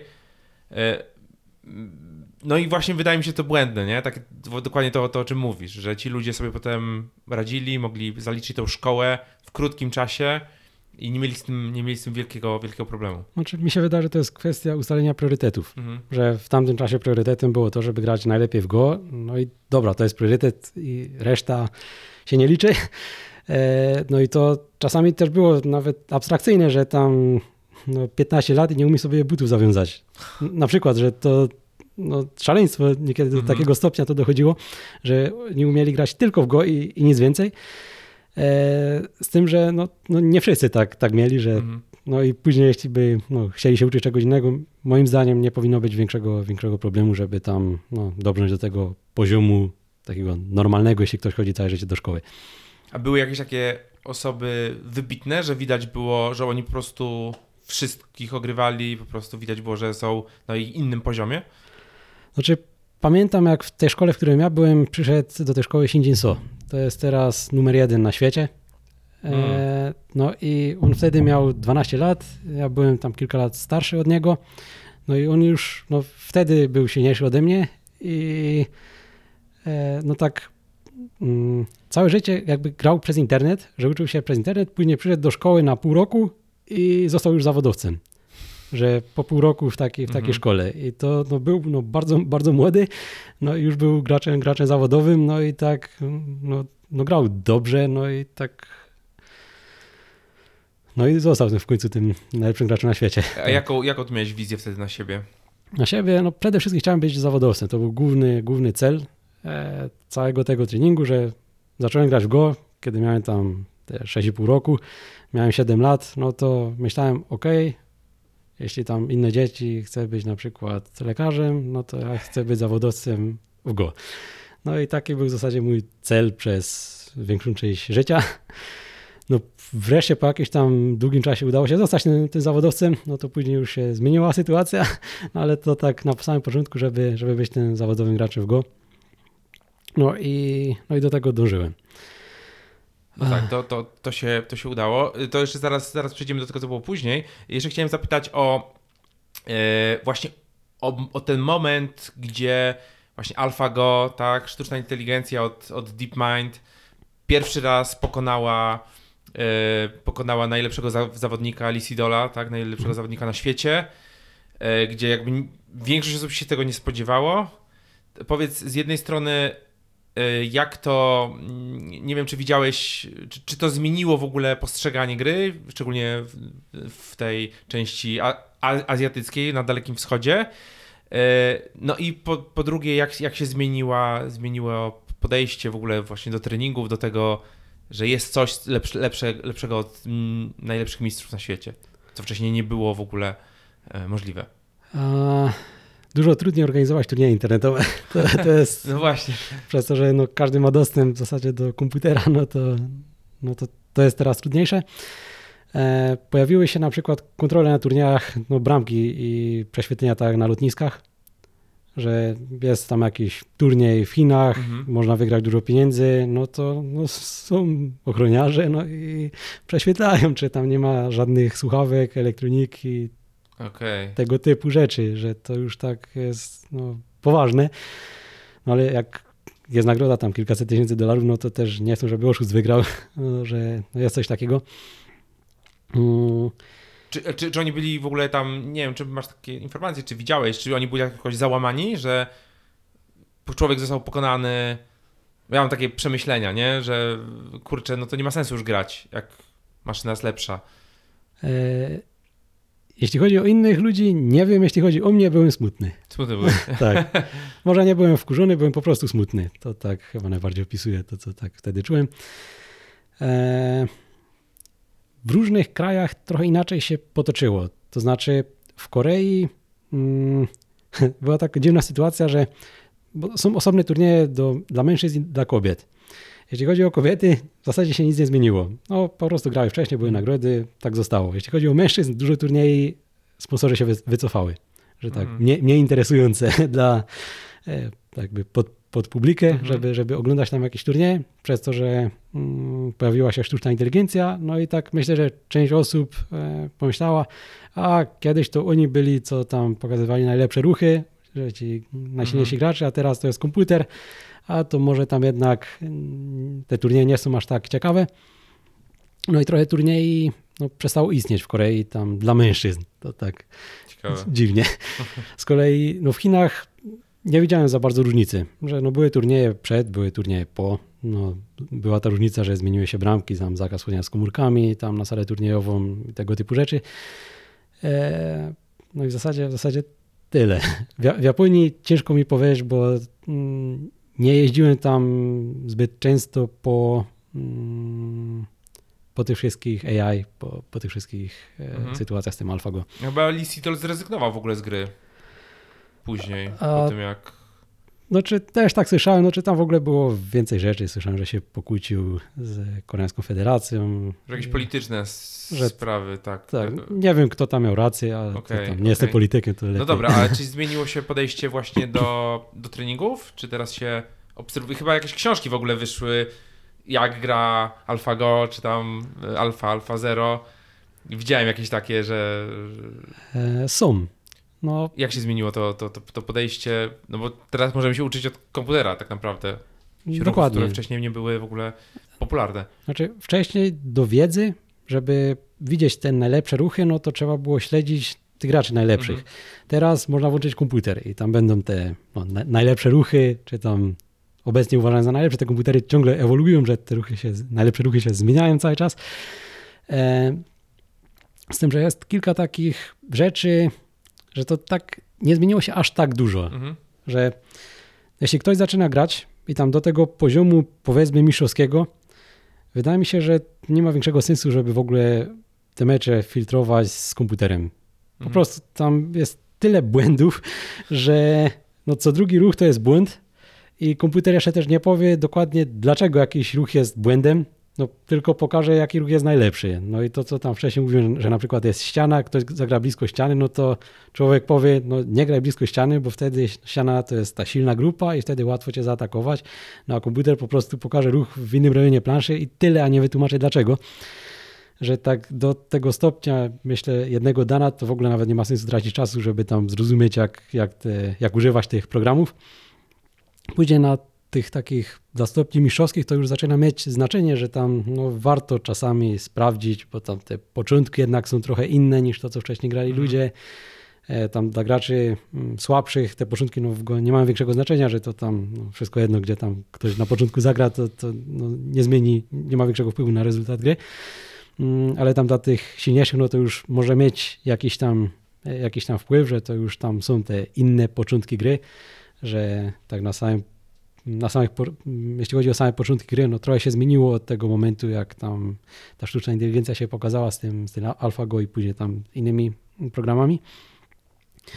Um, no, czasami warto prześledzić tam jakieś mm, ruchy, co AI mogło, mogło zagrać, z tym, że zawsze trzeba mieć wzięte pod, wzięte pod uwagę, że to no, nie wytłumaczy dokładnie e, o co chodzi, że. Dlaczego coś tam jest błędem. Pokażę po prostu jakiś optymalny ruch, który by, zagrało. Dokładnie. jest miejsce dla, dla naszej jeszcze ludzkiej inteligencji, No jest miejsce, znaczy to dla jest, nauczycieli i tak dalej. myślę, że to jest podobnie tak ze wszystkim innym, no można się uczyć, znaczy sztuczna inteligencja myślę, że będzie wszędzie, no to jeśli ktoś chce się nauczyć matematyki, no to no dobra, jest tam jakaś wiedza, no to weź się tego naucz. No i tu przychodzi ten nauczyciel, no jednak, jednak pomaga, że no idzie się nauczyć samemu, ale jeśli będzie ten nauczyciel, no to możliwe, że się nauczysz szybciej, Mhm. że jeśli na coś poświęcasz tam na przykład dwie godziny, a dasz radę poświęcić na to godzinę albo pół godziny, żeby się nauczyć dokładnie tego samego, no to czasami jednak ten nauczyciel może być, może być przydatny. No powiedz, jak to się stało, że zacząłeś rozkręcać biznes związany z Go? No i też możesz powiedzieć o tym, o tym kryzysie, o którym rozmawialiśmy przed, przed nagraniem, że przyszła pandemia i nagle zrobiło się słabo, tak, z turniejami. Um, no tak, zostałem tym graczem zawodowym, Mhm. bo to było no, moje marzenie, mój cel i tak wreszcie się udało to, to zrobić. No i dobra, co, co teraz? No właśnie. No i mm, w tamtym czasie, bo to też mm, byłem w Korei do końca 2013 roku. Później przyjechałem do Polski i nie byłem tym zawodowcem. Brakowało mi tam jednej partii, żeby wygrać w jakimś tam turnieju i wtedy bym był, ale brakowało. Miałem już te 18 lat, no to e, no tak wcześniej myślałem, że do tego 18 roku życia będę próbował. Jeśli się nie uda, no to, to koniec. No to się nie udało. No i wróciłem do Polski, tam zdawałem liceum, no żeby jakoś tam na maturze jeszcze też Mm. było, było dobrze, no to miałem tam te kilka miesięcy czasu, żeby tak nadgonić od tego gimnazjum, co w ogóle nie chodziłem do szkoły, żeby tak były jakieś, jakieś dobre oceny. No i później poszedłem na studia na lotnictwo. Myślałem, a będę pilotem. No tak, coś z, zupełnie innego. Czemu nie? I tak Mhm. podoba mi się latać, to tam cze, Mhm. cze, czemu nie? No i e, w międzyczasie powstało coś takiego, mm, że w Europie zrobił się system zawodowy. Pojawili się sponsor- sponsorzy z Chin i była tak, jakaś umowa, że w Europie mm, gracze mogą zostać graczami zawodowymi. Wcześniej można było to tylko w Azji, Chiny, Korea, Japonia, Tajwan. A od 2012 roku można było w Stanach i później 2014 roku w Europie. No to no, pojawiła się taka możliwość. No ja już go no, przestałem ćwiczyć, bo tak myślałem, dobra, Mhm. olewam, będę, będę pilotem. No i e, tak uczyłem się na tych studiach i po mm, pierwszym roku e, nawet było dość dobrze. No, miałem chyba, byłem chyba w pierwszej dziesiątce, jeśli chodzi o średnią. I to było na lotnictwie w Rzeszowie, Politechnika Rzeszowska na lotnictwo i kosmonautyka. E, z tym, że no, tego jednak, jednak tam było. No, miałem ten jakiś poziom, no, po, pokazywały się jakieś turnieje. No to jeśli mogę grać i coś tam wygrać, no to czemu nie? Mhm. No to tak odskocznia od studiów to było po prostu gra w turniejach, bez przygotowania, tak na, na hura. Okej. No i tak półtorej roku nie trenowałem w ogóle w go. Pojechałem na ten turniej na zawodowca i udało się wygrać. No i to było coś, no wcześniej trenowałem no, sporo lat, żeby mieć możliwość Mhm. zostania tym zawodowcem i brakowało mało. No a e, później tak z niczego przyjechałem no i wygrałem. No i no wtedy jeszcze myślałem, a dobra, jestem tym graczem zawodowym, ale już myślałem, żeby być studentem, żeby tam być pilotem, no to jednak kontynuuję studia. Ale później były Mistrzostwa Europy, no i tam była delegacja z Chin, no i zaproponowali mi, żebym pojechał tam do szkoły. No i tak, no powiedzieli, że zaczynają się pokazywać turnieje, że tam Europejczycy też mogą grać w turniejach, też mogą wygrywać i można z tego mniej więcej przeżyć. W sensie nie będzie pensji, ale będzie możliwość wygrania tam w turniejach. No i tak myślałem, no dobra, no to zadzwoniłem tam do rodziców, tata, kończę studia, olewą to wszystko i no i pojechałem do, e, pojechałem do Chin, tam do innej szkoły, Gdzie do Chin? do Pekinu. No i e, przez dwa lata tak myślałem, żeby, żeby jednak tam mm, trenować w Go, tak żeby grać w tych turniejach i no po prostu wygrywać, wygrywać nagrody, nawet jeśli nie te tam pierwsze miejsca, bo Mhm. do tego to no, uważałem, że po prostu nie mam szans. E, no byli inni, młodsi, lepsi ode mnie. E, no ale można było tam na tych dalszych miejscach też ciągle jakoś, jakoś objechać. No i tak myślałem, no dobra, no nigdy nie będę jednak tam mistrzem świata. No a tak coś jednak z tym życiem warto by było zrobić. no i tak myślałem, a spróbuję jakoś rozpropagować go. To też było taki, no chciałem, chciałem jednak, żeby go było popularne tak w Polsce, chciałem, żeby popularne było w ogóle w, no, powiedzmy w zachodnim świecie.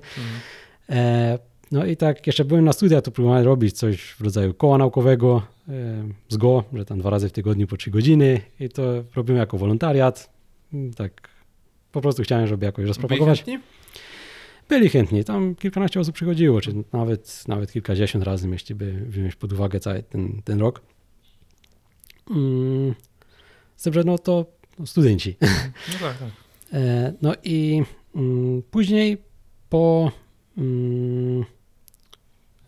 Kiedy już myślałem, dobra, jestem tym zawodowcem i co, co zrobić, no to tak myślałem, no jaka jest różnica? Dlaczego w Azji jest popularny, a dlaczego w Europie to nie jest popularne? Przecież no, to rozwija strategiczne myślenie, no a dlaczego nie? Jakie są różnice? No jest, ciekaw, jest ciekawą grą, tak? Interesującą. Mm, tak, no i no dobra, są tam te rzeczy, że jest historia, bo to już tam trwa ileś tysięcy lat, no Mm. to jest to jakoś tam zakorzenione.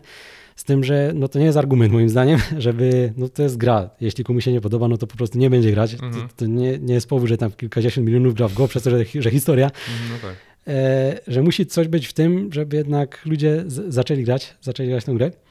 No i tak myślałem, no jeśli w Korei są turnieje, jest Samsung Cup, LG Cup i tam są budżety po kilka milionów dolarów, że tam jest 300 tysięcy dolarów na przykład za pierwsze miejsce, e, no to te firmy, one muszą chcieć dawać tyle kasy i jeszcze na tym zarabiać. Czyli no jest jakiś biznes związany z, tym go. E, No, oczywiście są jeszcze te szkoły i to też jest płatne i to też nie jest jakieś takie super tanie, żeby w takich szkołach być. Mi się udało dostać stypendium, później rodzice brali kredyt, żeby, żeby tam jednak mogłem się dalej uczyć już w tych e, kolejnych szkołach. Mhm. E, No i mm, no jest tam ten aspekt finansowy. No a w Europie wyglądało tak, jest turniej, 5 zł wpisowe, w ramach wpisowego kawa, ciastka, no, gramy. I No tyle. I tyle. No i to robili no, wolontariusze. No super, że, że ktoś coś robił, fajnie, z tym, że mm, no, nie było kasy na żaden marketing. Mhm. No i no, to było, że był jakiś tam wolontariusz, przez kilka lat coś tam robił, no i się zmywał, bo już no, miał tego dość. To nie był jego zawód, miał inną pracę, no Mhm. i się kończyło. Później był inny wolontariusz, też może przez kilka lat coś robił, też koniec. Inny wolontariusz, koniec. No że dobra, fajnie, że coś robili, z tym, że no, nie było czegoś takiego, żeby była jakoś trwała organizacja, co faktycznie mm, promuje jakoś tak bardziej. No i mm, pomyślałem, że dlaczego by nie zrobić biznesu związanego z, z Go. No i e, tak zacząłem coś kombinować, co z tym zrobić. Mm, zacząłem pisać książki. No, nie było zbyt dużo książek, to No tak. tak. myślałem, że warto coś takiego zrobić. Na porządku jedna książka tak dla porządkujących od, mm, od zera. Z którą tutaj mamy. Tak. Tak, kształty umysłu. E, no a później ta książka jakoś została wydana. E, no i mm, tak pomyślałem, dobra, jest książka, czyli e, ludzie będą mogli zacząć grać, że dowiedzą się jakoś tam jakichś zasad i tam do tej planszy 19 na 19 dzięki tej książce będą mogli Dojść. dojść. No i mm, dobra, czyli będą, będzie możliwość, żeby ludzie jakoś e, wpadli w lejek sprzedażowy, to tak już zabrzmi Tak, tak. bardziej, bardziej biznesowo. No i mm, cze, czego jeszcze brakuje? No to tak myślałem, no dobra, jakiegoś szumu, żeby faktycznie ludzie o tym słyszeli. No w Europie zaczęły się pokazywać te turnieje, w których były jakieś nagrody pieniężne. No to no fajnie, że tam jest turniej 10 tysięcy euro można wygrać za pierwsze miejsce, no super. Z tym, że coś nie pasuje, jeśli nie ma żadnych dziennikarzy. No bo no w Azji są turnieje, jest kupa kasy do wygrania, no ale też jest pełno ludzi z aparatami, kamerami i Mhm. tak dalej dookoła tego, że jest sporo szumu naokoło, no i później wszędzie o tym trąbią. No a tak był ten turniej w Europie, no i nie widzę ani jednego dziennikarza. Później jest kolejny rok, nie widzę ani jednego dziennikarza. Kolejny rok, nie widzę ani jednego dziennikarza. No o co chodzi? Przecież, przecież to nie są tak małe pieniądze, żeby nie można No tak. było tego rozpromować. Tym bardziej, że jeśli ktoś już daje tam budżet te kilkadziesiąt tysięcy euro na nagrody, no to jeśli by tam dał dodatkową dychę na e, marketing, rozpromowanie, no to czemu, czemu nie? No to myślałem, żeby samemu jakoś zrobić turnieje, żeby no, popisać tam do wszystkich dziennikarzy, tam skontaktować się z telewizjami i tak dalej, żeby no, to zaczęło być jakoś, przynajmniej miało możliwość, żeby być jakoś bardziej popularny, przynajmniej ten brand awareness, ten Mhm, mhm. etap, żeby, żeby, jakoś, żeby jakoś powstał. No i e, myślałem, dobra, robię turnieje i Azjaci też by chcieli rozpromować go na innych rynkach, no bo jeśli oni mają tam swoje biznesy, no to no dodatkowy rynek zbytu, no to mogą zarobić więcej. E, no i myślałem, żeby zrobić turniej w Polsce, że największy turniej go w Europie, e, no przy okazji turniej, na który by przyjechały, na który by przyjechali ci najlepsi gracze świata, czyli z Azji, co by dla nich też było czymś nowym, no bo tam wszystkie turnieje w zasadzie w jednym rejonie świata. No i e, pojeździłem po mm, federacjach, żeby tam się z nimi dogadać. Tam go, no też jest, jedna rzecz to są firmy, ale że jest to polityka, no to też jednak, żeby tam przekonać te federacje, żeby im też zależało na tym, żeby ten turniej się odbył, no to później już tam jak swoimi sposobami jakoś przekonałem zawodników, żeby też, żeby też grali. E, No i plan był taki, że e, przynajmniej 2000 osób, żeby, żeby grało w takim turnieju, żeby były kwalifikacje przez internet i później finały na żywo już w Polsce. Jako nagrody, żeby było jakieś wpisowe, że każda osoba musi płacić. Mhm. W Azji wpisowe na turnieju to nie jest nic specjalnego. Znaczy, jak byłem w Korei, wtedy, kiedy jeszcze się uczyłem, tam do tego 2013 roku, no nie przypominam sobie żadnego turnieju, żeby było wpisowe mniejsze niż 100 zł. No a w Polsce 5. E, No, że tam są turnieje takie, że na przykład nie ma w ogóle nagród, mm, że po prostu ludzie grają i jest wpisowe 100 dolarów. No tak przykładowo. Czyli Mhm. ludzie nie obawiają się, żeby, żeby jednak płacić e, za to, żeby, żeby grać tam w jakichś turniejach. No i mm, myślałem, żeby zrobić tam wpisowe 50 euro, 2000 ludzi, żeby przynajmniej zagrało i później e, no, najlepsze osoby by przyjechali już na żywo, żeby grać, żeby grać w Polsce.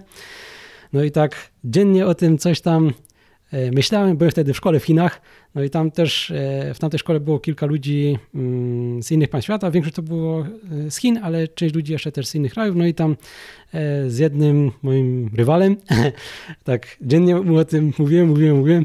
Później on powiedział, dobra, za, założę się, że tego nie zrobisz. No i e, on powiedział, "M- możemy zrobić tam jakieś stawki, że tam nie jeden do jeden, ale tam coś innego. No to dobra, 2000 do 5000 euro. No i że jeśli zrobię ten turniej, no to on mi da 5000 euro, jeśli nie zrobię, no to, to ja mu daję 2000 euro.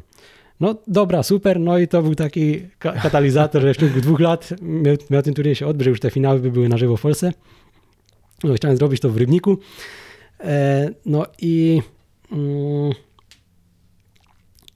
zacząłem jeździć po tych federacjach, zacząłem z nimi rozmawiać. No, nie było protestów, tak mm, nie wszystkie były na super hura, ale myślę, że byli, że byli zainteresowani i myślę, że by to pociągnęli w tym, w tym kierunku, żeby jednak, jednak mogło jakoś to się udać. No a kolejny etap to próbowałem jakoś we własnym zakresie znaleźć sponsora, jeszcze też tak dodatkowo. E, No i też tam pisałem, dzwoniłem po różnych firmach, takie, które są w Polsce, które no, raczej korporacje, że mają też rynki zbytu tam w Azji, bo to no, stamtąd Mhm. gracze by przyjechali, żeby tam być też jakoś popularnym, że tam, nie wiem, firma z Polski na przykład, a zaczyna być popularna e, w Azji. No i tak nie za bardzo się udało ze, ze sponsorami. No, tylko na jedno spotkanie pojechałem no, z Red Bullem, e, no ale i tak nie wyszło. E, No a mm, później też w tamtym okresie no, zaczęły się pojawiać te programy. No i jak miały być eliminacje przez internet, no to No właśnie. jest, jest to kłopot. I no, w tamtym czasie, no, przez to, że te programy zaczynają się pojawiać, no to jakoś tak pomysł no, podupadł. No, Czy jest w ogóle jakaś szansa, żeby się bronić przed tym, grając przez internet? Przed tym, że ktoś już oszukuje, po prostu gra z programem? no, można jakieś kamery poustawiać, no, ale Ciężko. i tak to jest strasznie ciężko. No, mi się wydaje, że jeśli ktoś będzie chciał, no to i tak będzie oszukiwał. Mhm. że są sposoby, żeby oszukiwać. No, tak przykładowo e, w zeszłym roku były Mistrzostwa Europy Juniorów i do lat 12 zwycięzca grał przy pomocy komputera. Nie było tak, że on kopiował wszystkie ruchy, Mhm. no bo wtedy to zaraz podpaduje, że Mhm. no, nie ma szans, ale no, co jakiś ruch, no, no nie był to ten poziom, który powinien być. No i to e, zrozumieli, że faktycznie grał przy pomocy komputera, no i na 4 lata dostał dyskwalifikację. Mhm. No, że no, Czy po prostu wykryto po analizie gry, tak? Po, po po... analizie gry, też po zapisach z kamer, e, że coś tam było nie tak, no bo to no, gra ktoś z domu, no to jakieś tam kamery, Mhm. no można kombinować, jak to, jak to poustawiać, tak żeby nie było widać. E, można wyłączyć dźwięki, na przykład ktoś będzie po prostu gadał. Aha, no tak. E, no albo nawet jakieś tam inne rzeczy, podłączyć do nogi jakiś czujnik, żeby tam przecięcia po kolei liczyć, że tam 16, 7. Aha, I, no, aha, aha. no jest strasznie dużo możliwości. Mi się wydaje, że tego nie da się jakoś zapobiec, że to by musiało być faktycznie odizolowane, albo żeby ktoś tam przyjechał i żeby pilnował tego gracza, że Mhm. nie, nie może oszukiwać. Że to tak strasznie, strasznie Mhm. ciężko jest teraz. No, część turniejów obecnie zrobione w taki sposób, że mm, na przykład gracze, mm, część graczy jedzie do jednego miejsca, no i tam jest jakiś sędzia, część graczy jedzie do innego miejsca, że tam na przykład między granicami nie mogą się no, przejeżdżać, no, że tam jest jakiś sędzia, to jest jedna osoba, która tam pilnuje, żeby nie było oszukiwania. E, no, ale tak, no pojawił się ten problem w każdym razie z tym, z tym oszukiwaniem, no i turniej, no szlak trafił. No, przegrałem zakład. E, Wypłaciłeś, tak? Wypłaciłem, tak. A, No ale zmotywowało mnie, żeby to jednak iść w tym kierunku biznesu. No i było też jeszcze taka kolejna rzecz. Mm, W pewnym czasie mm, do Polskiego Stowarzyszenia Go mm, napisał pewien sponsor. No i chce zrobić największy turniej w Europie. Chłopie, super. znaczy ja o tym nie wiedziałem, tak się dowiedziałem od Polskiego Stowarzyszenia Go tak przez przypadek, że jest taki człowiek i chciałby zrobić turniej, że mm, no dlaczego nie wiem dlaczego Polskie Stowarzyszenie Go nic z tym nie robiło, no to no spró- spróbuję coś z tym zrobić, no to się kontaktowałem, dobra, robimy turniej, największy turniej w Europie, największe nagrody, e, no super, zrobiłem stronę internetową, no czy tam zleciłem zrobienie strony internetowej, na ten inny turniej też zleciłem zrobienie strony internetowej, który nie wyszedł, no to tak, no z 20 tysięcy straciłem na tym. no. E, no i mm, ten turniej, no jakby miałem już mniej więcej pokładany, już poreklamowany jakoś tam wśród tam czołówki w Europie. E, później też tam z Europejską Federacją Go rozmawiałem o tym, jak, jak to tam ma być. No i tam kilka miesięcy przed startem tam poprosiłem e, tego sponsora logo na stronę internetową, ale ja już nie chcę tego turnieju. No, no i to tak, no, kole, kolejna wtypa. Znaczy, no wiadomo, to jest moja wina, bo tam no, nie sprawdziłem człowieka za bardzo. No E, tak, trzeba coś podpisać, jakiś papier, żeby to w ogóle Jasne. coś, coś no to po prostu działać na, na jakimś zaufaniu, tak? Na tej nadziei, żeby zrobić ten, ten turniej w końcu. No, no i tak no, nie wyszło. Z tym, że to cały czas była jakaś motywacja, żeby, żeby coś robić, żeby coś robić więcej. No i tak no myślałem, a e, jeśli, kiedy, kiedy ja się uczyłem grać w Go, no Mhm. brakowało takich książek ze zadaniami, e, w których mm, byłyby odpowiedzi i nie byłoby zbyt dużo błędów. E, bo wiele jest takich książek, na przykład w Azji, w szkołach, no to mają wydania własne, że jest szkoła X i Mhm. robią tam książki dla siebie, których mm, specjalnie nie wpuszczałem na, na żadne rynki, że dobra, ktoś zacznie się uczyć w tej szkole, wtedy dostanie te książki, ale, ale już nie tak, żeby Tak. mógł sobie, sobie kupić, e, jeśli tam nie chodzi do tej szkoły na przykład. No a mm, moim zdaniem brakowało takich, takich książek, żeby były zadania, odpowiedzi i żeby tam no, nie było tych błędów, bo to też czasami się wydarza, że są na przykład odpo- odpowiedzi i tam nie jest jedna odpowiedź, a dwie i ktoś nie napisze w odpowiedzi, że jest ta druga odpowiedź. No to rok poświęciłem na napisanie książek. No i no, książki ze zadaniami, tam jest 1900 e, zadań. Mhm. No i to tak no, próbowałem wymyślać, co, co tam zrobić, jak, jak te zadania porobić, później jakoś tam posortować, więcej razy sprawdzać. E, no i dobra, będą książki, no to jak już jest ta pierwsza rzecz, to jest ta pierwsza książka, no to po kolei te etapy lejka, że jak ktoś zaczyna grać, się wciągnie, no to może rozwiązywać te, te zadania. No i kolejną rzeczą to myślałem, no dobra, czego tu brakuje? E, w innych rzeczach są marketplace'y. No to No, no, jeszcze sprzęt, tak? No bo sprzęt, tak też. E, no myślałem, dobra, mam książki, czego jeszcze brakuje? Brakuje sprzętu. No to import pół kontenera z Chin. Znaczy, to też wtedy była głupota, no bo nie miałem jakby, nie miałem e, ani mm, dużej grupy docelowej, nie miałem ani mm, dystrybucji roz, rozplanowanej, Mhm. że to była kompletna głupota z dzisiejszej perspektywy, no byłem idiotą, żeby coś takiego robić. E, tak samo na przykład druk książek, bo wydrukowałem 12 tysięcy książek, no to Trochę za dużo. no na trochę, start. trochę, za dużo na start. Znaczy, teraz już wiem, że wtedy popełniłem błąd, no, że trzeba było rozplanować, jakoś tam z hurtowniami się Mhm. podogadywać, albo zaplanować, że bez hurtowni, tylko swoje, ale to już wtedy no, jakieś tam specjalne reklamy pod to. W każdym razie no, plan był taki, no, żeby co, coś z tym robić. No i tak myślałem, no brakuje, brakuje marketplace'ów, miałem już książki, sprzęt, no to mm, no jest, jeśli chcę zamówić tam jakieś noclegi, no to Airbnb, Booking.com. Jeśli chcę języki, no to iTalki. Jeśli chcę tak jakieś, nie wiem, usługi grafika, no to Fiverr. No jest, jest coś takiego, Mhm. że są te, są te marketplace'y i myślałem, no brakuje czegoś takiego, jeśli chodzi o Go. I to w ogóle nawet Azji nie widziałem, żeby było coś takiego, no to no super, dobra. No to jest możliwość, jest jakaś nisza, jeśli chodzi o ten rejon, tam Polskę, Europę, Amerykę. No i jest możliwe, żeby to jakoś mm, później pociągnąć na, e, na Azję, jeśli będzie dobrze działać. Tylko Uściśnijmy. Marketplace, który się zajmuje czym? E, Lekcjami do gry w Go. Czyli są nauczyciele i uczniowie zamawiają lekcje z nauczycielami. No, na samym początku no, był jakiś pomysł, no to obejrzymy jak to działa. No to na stronie po prostu tabelka, imię, nazwisko, kraj, cena i chcesz zamówić lekcję, napisz maila. No coś, co no, z, dzisiejszej, z dzisiejszej perspektywy wygląda trochę no, kiepsko, no ale tak byłem, no, tak było. No i tam nie robiłem wtedy jakiegoś zbytniego marketingu, no nie znałem się też na marketingu za bardzo w tamtym czasie. E, no i, no ale to było. No i później mm, przyszła pandemia e, i mm, pomyślałem, no dobra, co robić? Z czegoś trzeba żyć. Turnieje się skończyły, bo to tak, no główny zysk to było granie w turniejach w Azji. I no, na tym się w zasadzie bazowało. W Europie no, no nie było tak dużo turniejów, żeby, żeby można było jakoś normalnie przeżyć. No a druga rzecz to jeszcze, e, no byłem już tam no, i po ślubie i córka się też pojawiła, no, urodziła się w lutym, granice zamykali w marcu. No i tak myślałem, no dobra, co, co robić teraz? No to no, fajnie by było jakoś ten biznes, coś z tym zrobić, żeby to zaczęło dobrze, dobrze działać, bo tak pieniądze, które były jakoś odłożone na, na kupce, no to tak Mhm. zaczęły topnieć, bo tu druk książek, Tak. tu import sprzętu, a to no, wolno schodziło wtedy.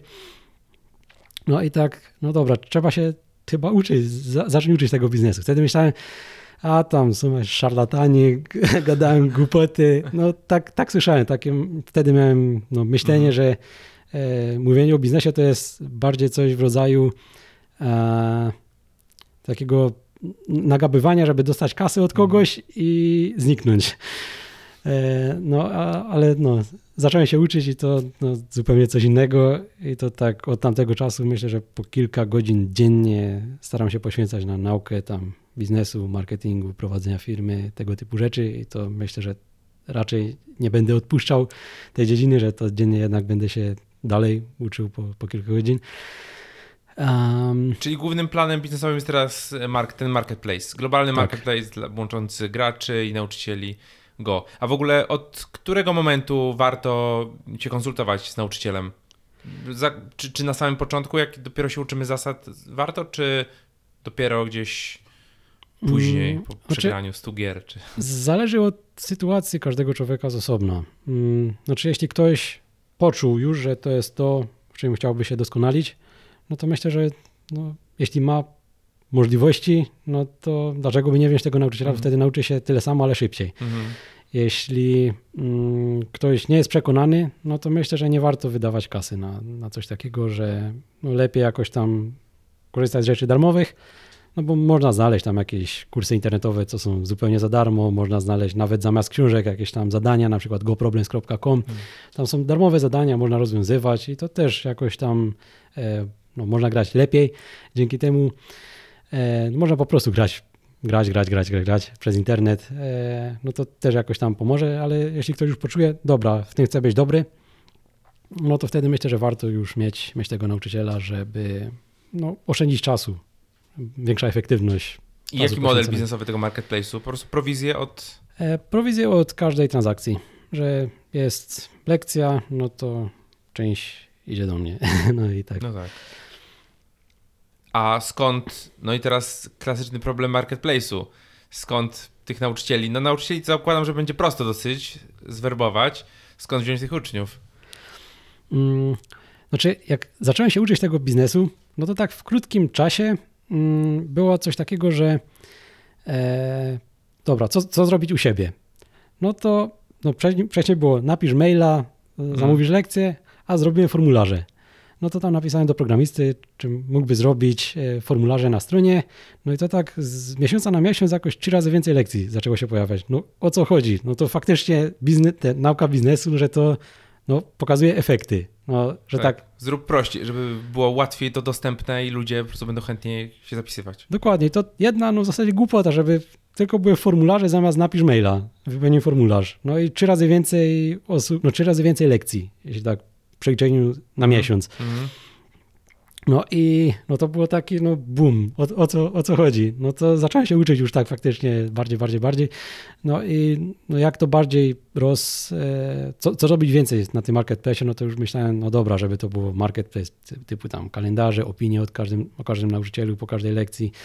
E, no, kalendarze, żeby można było zamawiać lekcje z każdym nauczycielem, takie, żeby godziny też można było zamawiać, mhm. możliwości tam, żeby e, zmieniać czas lekcji, jeśli ktoś by chciał na przykład odwoływać, tam jakoś już e, też jako, co wtedy robić z pieniądzami.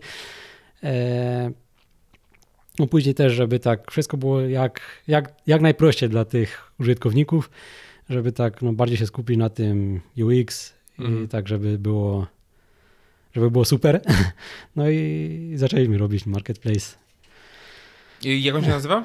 E, jeszcze, jeszcze nie powstał. Okay. tak, ta wersja, no, za niedługo będziemy robić beta testy, że no, już prawie rok zajmuje cały ten proces, żeby to, żeby to zrobić.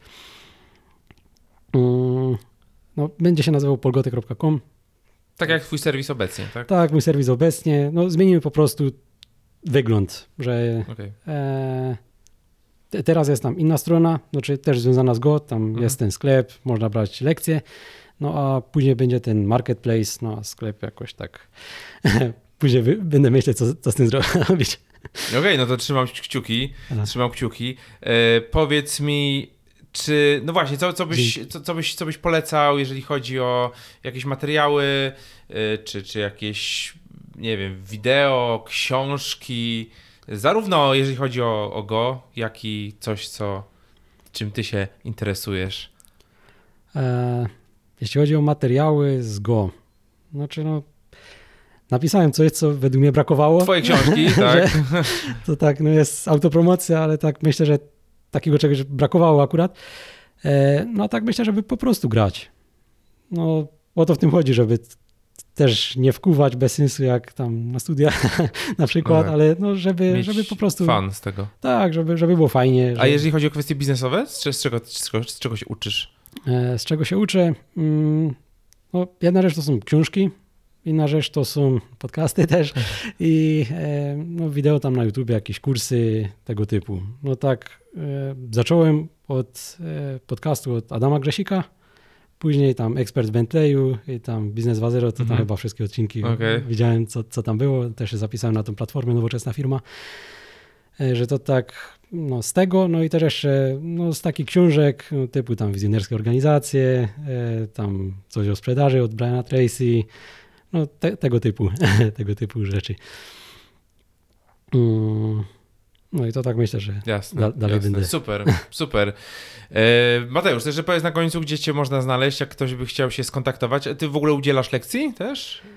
A kiedyś, kiedyś udzielałem, znaczy tak na samym początku jak powstała strona, no to też jakoś mhm. wtedy udzielałem lekcji, że w ogóle na samym początku to był zupełny wolontariat, później jakieś tam super niskie stawki, później dałem już drogo, ale tak doszedłem do wniosku, że no jednak to nie jest to, czego, co chciałbym robić, mhm. że no nauczyciele są nauczyciele, są inni nauczyciele, co bardziej jakby pasują do tego Mhm. nauczania innych i to myślałem, że jednak to nie jest to, co tak mnie najbardziej kręci, że wolałbym jednak biznesowo się zajmować, a inne osoby już będą, będą uczyć, no bo brakuje tych biznesów, a A myślisz w ogóle jeszcze o powrocie do tu, turniejów i do takiej bardziej gry na, na, na wyższym poziomie? Um, znaczy teraz tak, no, mam inne priorytety. Znaczy Mhm. chciałbym, żeby tę firmę tak rozkręcić, żeby to była największa Okej. firma związana z Go na świecie. To jest taki cel. Nieźle, dobry cel. E, no na samym początku tam testy na resztę świata, a później Azja i żeby to było faktycznie najbardziej rozpoznawalna i największa firma związana z Go tam. E, no i tak jeśli chodzi o mnie, tak jak będę już widział, że no, firma działa dobrze, będę miał już tam pozatrudnianych menedżerów, tam może będzie jakiś Mhm. inny CEO później, no to, e, no to wtedy jakoś wrócić do, do Może gry. być czas na grę. grę. Wtedy już ba- bardziej, bardziej na ludzie jako, jak- jako hobby. No to już też, no mogę grać w turniejach wtedy, ale tak. No teraz czasami gram w turniejach, ale to bardziej jest tak, no jeszcze, jeszcze mogę wygrać. Okej. Znaczy nie, nie trenuję za bardzo, ale jeszcze, jeszcze mogę wygrać, ale myślę, że tak za kilka lat już będzie dużo ciężej cokolwiek powygrywać, Mm, że mm, no Po prostu się słabnie się, nie trenując. E, tak, no że teraz jak jest jakiś turniej, no to no, ten tydzień przed turniejem no, będę jakoś tam ćwiczyć, ale e, to jest tak, żeby tak mm, na jakiś tam konkretny termin, że będzie turniej na przykład Tak, mm, kiedyś tam, no to okej, ten tydzień przed rezerwuję, żeby jakoś trenować i, i koniec. Później kończy się turniej, kończę, kończę tam e, uczenie się Mhm. e, w Go, no i zaczynam uczenie się biznesu Mhm. tak, e, tak wcześniej.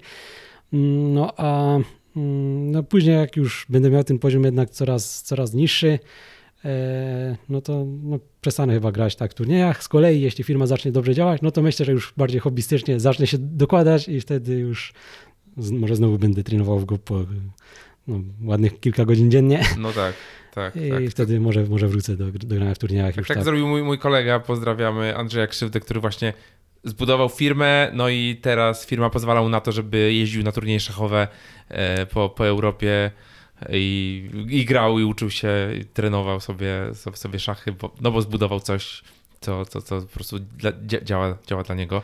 Znaczy tak, e, jeszcze też, mm, kiedy mm, ja uczyłem się grać, no to w zasadzie ciężko było się nauczyć grać poza Azją. No bo tam była ta wiedza, to były Mhm, te, mhm. te szkoły i tak, no jeśli ktoś chciał być silny, chciał mieć dobry poziom, no to w zasadzie to był prawie, że obowiązek, żeby jechać tam do szkoły do Azji, żeby tam się, tam się tego uczyć. No a mm, fajnie było jednak zrobić, żeby to nie było mus, żeby można było też no, się uczyć w innych miejscach, no to też ten marketplace, no, sam chciałbym z tego korzystać, że myślę, że tam będą y, ci najlepsi nauczyciele tam z Chin, Korei i że też będę mógł od nich brać te, te lekcje. Z tym, że to tam no, za te kilka lat, jak już myślę, że firma będzie, będzie rozpromowana, to sam myślę, że będę też z tego często, często korzystał z tych własnych jakby narzędzi. To jeszcze powiedz, gdzie cię można znaleźć, jak się z tobą skontaktować, jeżeli ktoś by miał, chciał, nie wiem, zaangażować się na przykład w twój biznes, zainwestować w niego parę milionów złotych, albo, albo był zainteresowany grą, y, Mhm. czy, czy, czy, czy materiałami. polgotek.com na mediach społecznościowych Mateusz Surma i tam jakoś, jakoś mnie można, można znaleźć, a jeśli będzie jakiś chętny inwestor, no to możemy porozmawiać. Super. Na, na razie jeszcze tę platformę, żeby ten marketplace w ogóle zaczął działać, no to to z własnych środków jakoś tam pokrywam. E, Z tym, że później już, żeby rozwinąć tam, żeby dołożyć takie dodatkowe funkcje typu narzędzia marketingowe dla nauczycieli, dla każdego z osobna, tam, żeby można było mm, na tym, na tym market, marketplace już faktycznie te lekcje przeprowadzać, żeby można było rozmawiać z nauczycielem, tam nie żaden Skype, ale już Mhm. faktycznie na platformie, czy tam wideokamerka, automatyczne nagrywanie, żeby później tam w panelu ucznia, żeby były te lekcje zapisane, to takie no, dodatkowe, dodatkowe rzeczy. No to już na to by się przydał inwestor, że tak. Żeby to rozbujać. Ja, jestem chętny i na, na propozycję. Globalny biznes w ciekawej niszy. Mateusz, dziękuję serdecznie za rozmowę. To była wielka przyjemność dla mnie. Również dziękuję. Do następnego razu. Dzięki, do następnego razu. I to jest wszystko w dzisiejszym odcinku. Mam nadzieję, że ten materiał Wam się spodobał i że część z Was jest trochę zainspirowana e, grą, grą Go i spróbuję swoich sił, żeby zagrać. Jeżeli tak, to dajcie mi znać, czy gdzieś w mediach społecznościowych, a jeżeli oglądacie to na YouTubie, to w komentarzu, czy graliście kiedyś w go, a jeżeli nie, no to czy, czy zagracie jakąś pierwszą partię, czy, czy chociaż spróbujecie nauczyć się zasad. Więc to tyle na dzisiaj. Oczywiście zapraszam do naszego SaaSlettera, newslettera o biznesach sasowych, subskrypcyjnych, e, fajnych pomysłach na biznes, e, budowanie, budowaniu prototypów czy marketplace'ów, tak jak, tak jak Mateusz. E, Na akademiasas.pl można się zapisać za darmo. Także to tyle na dzisiaj i do następnego razu.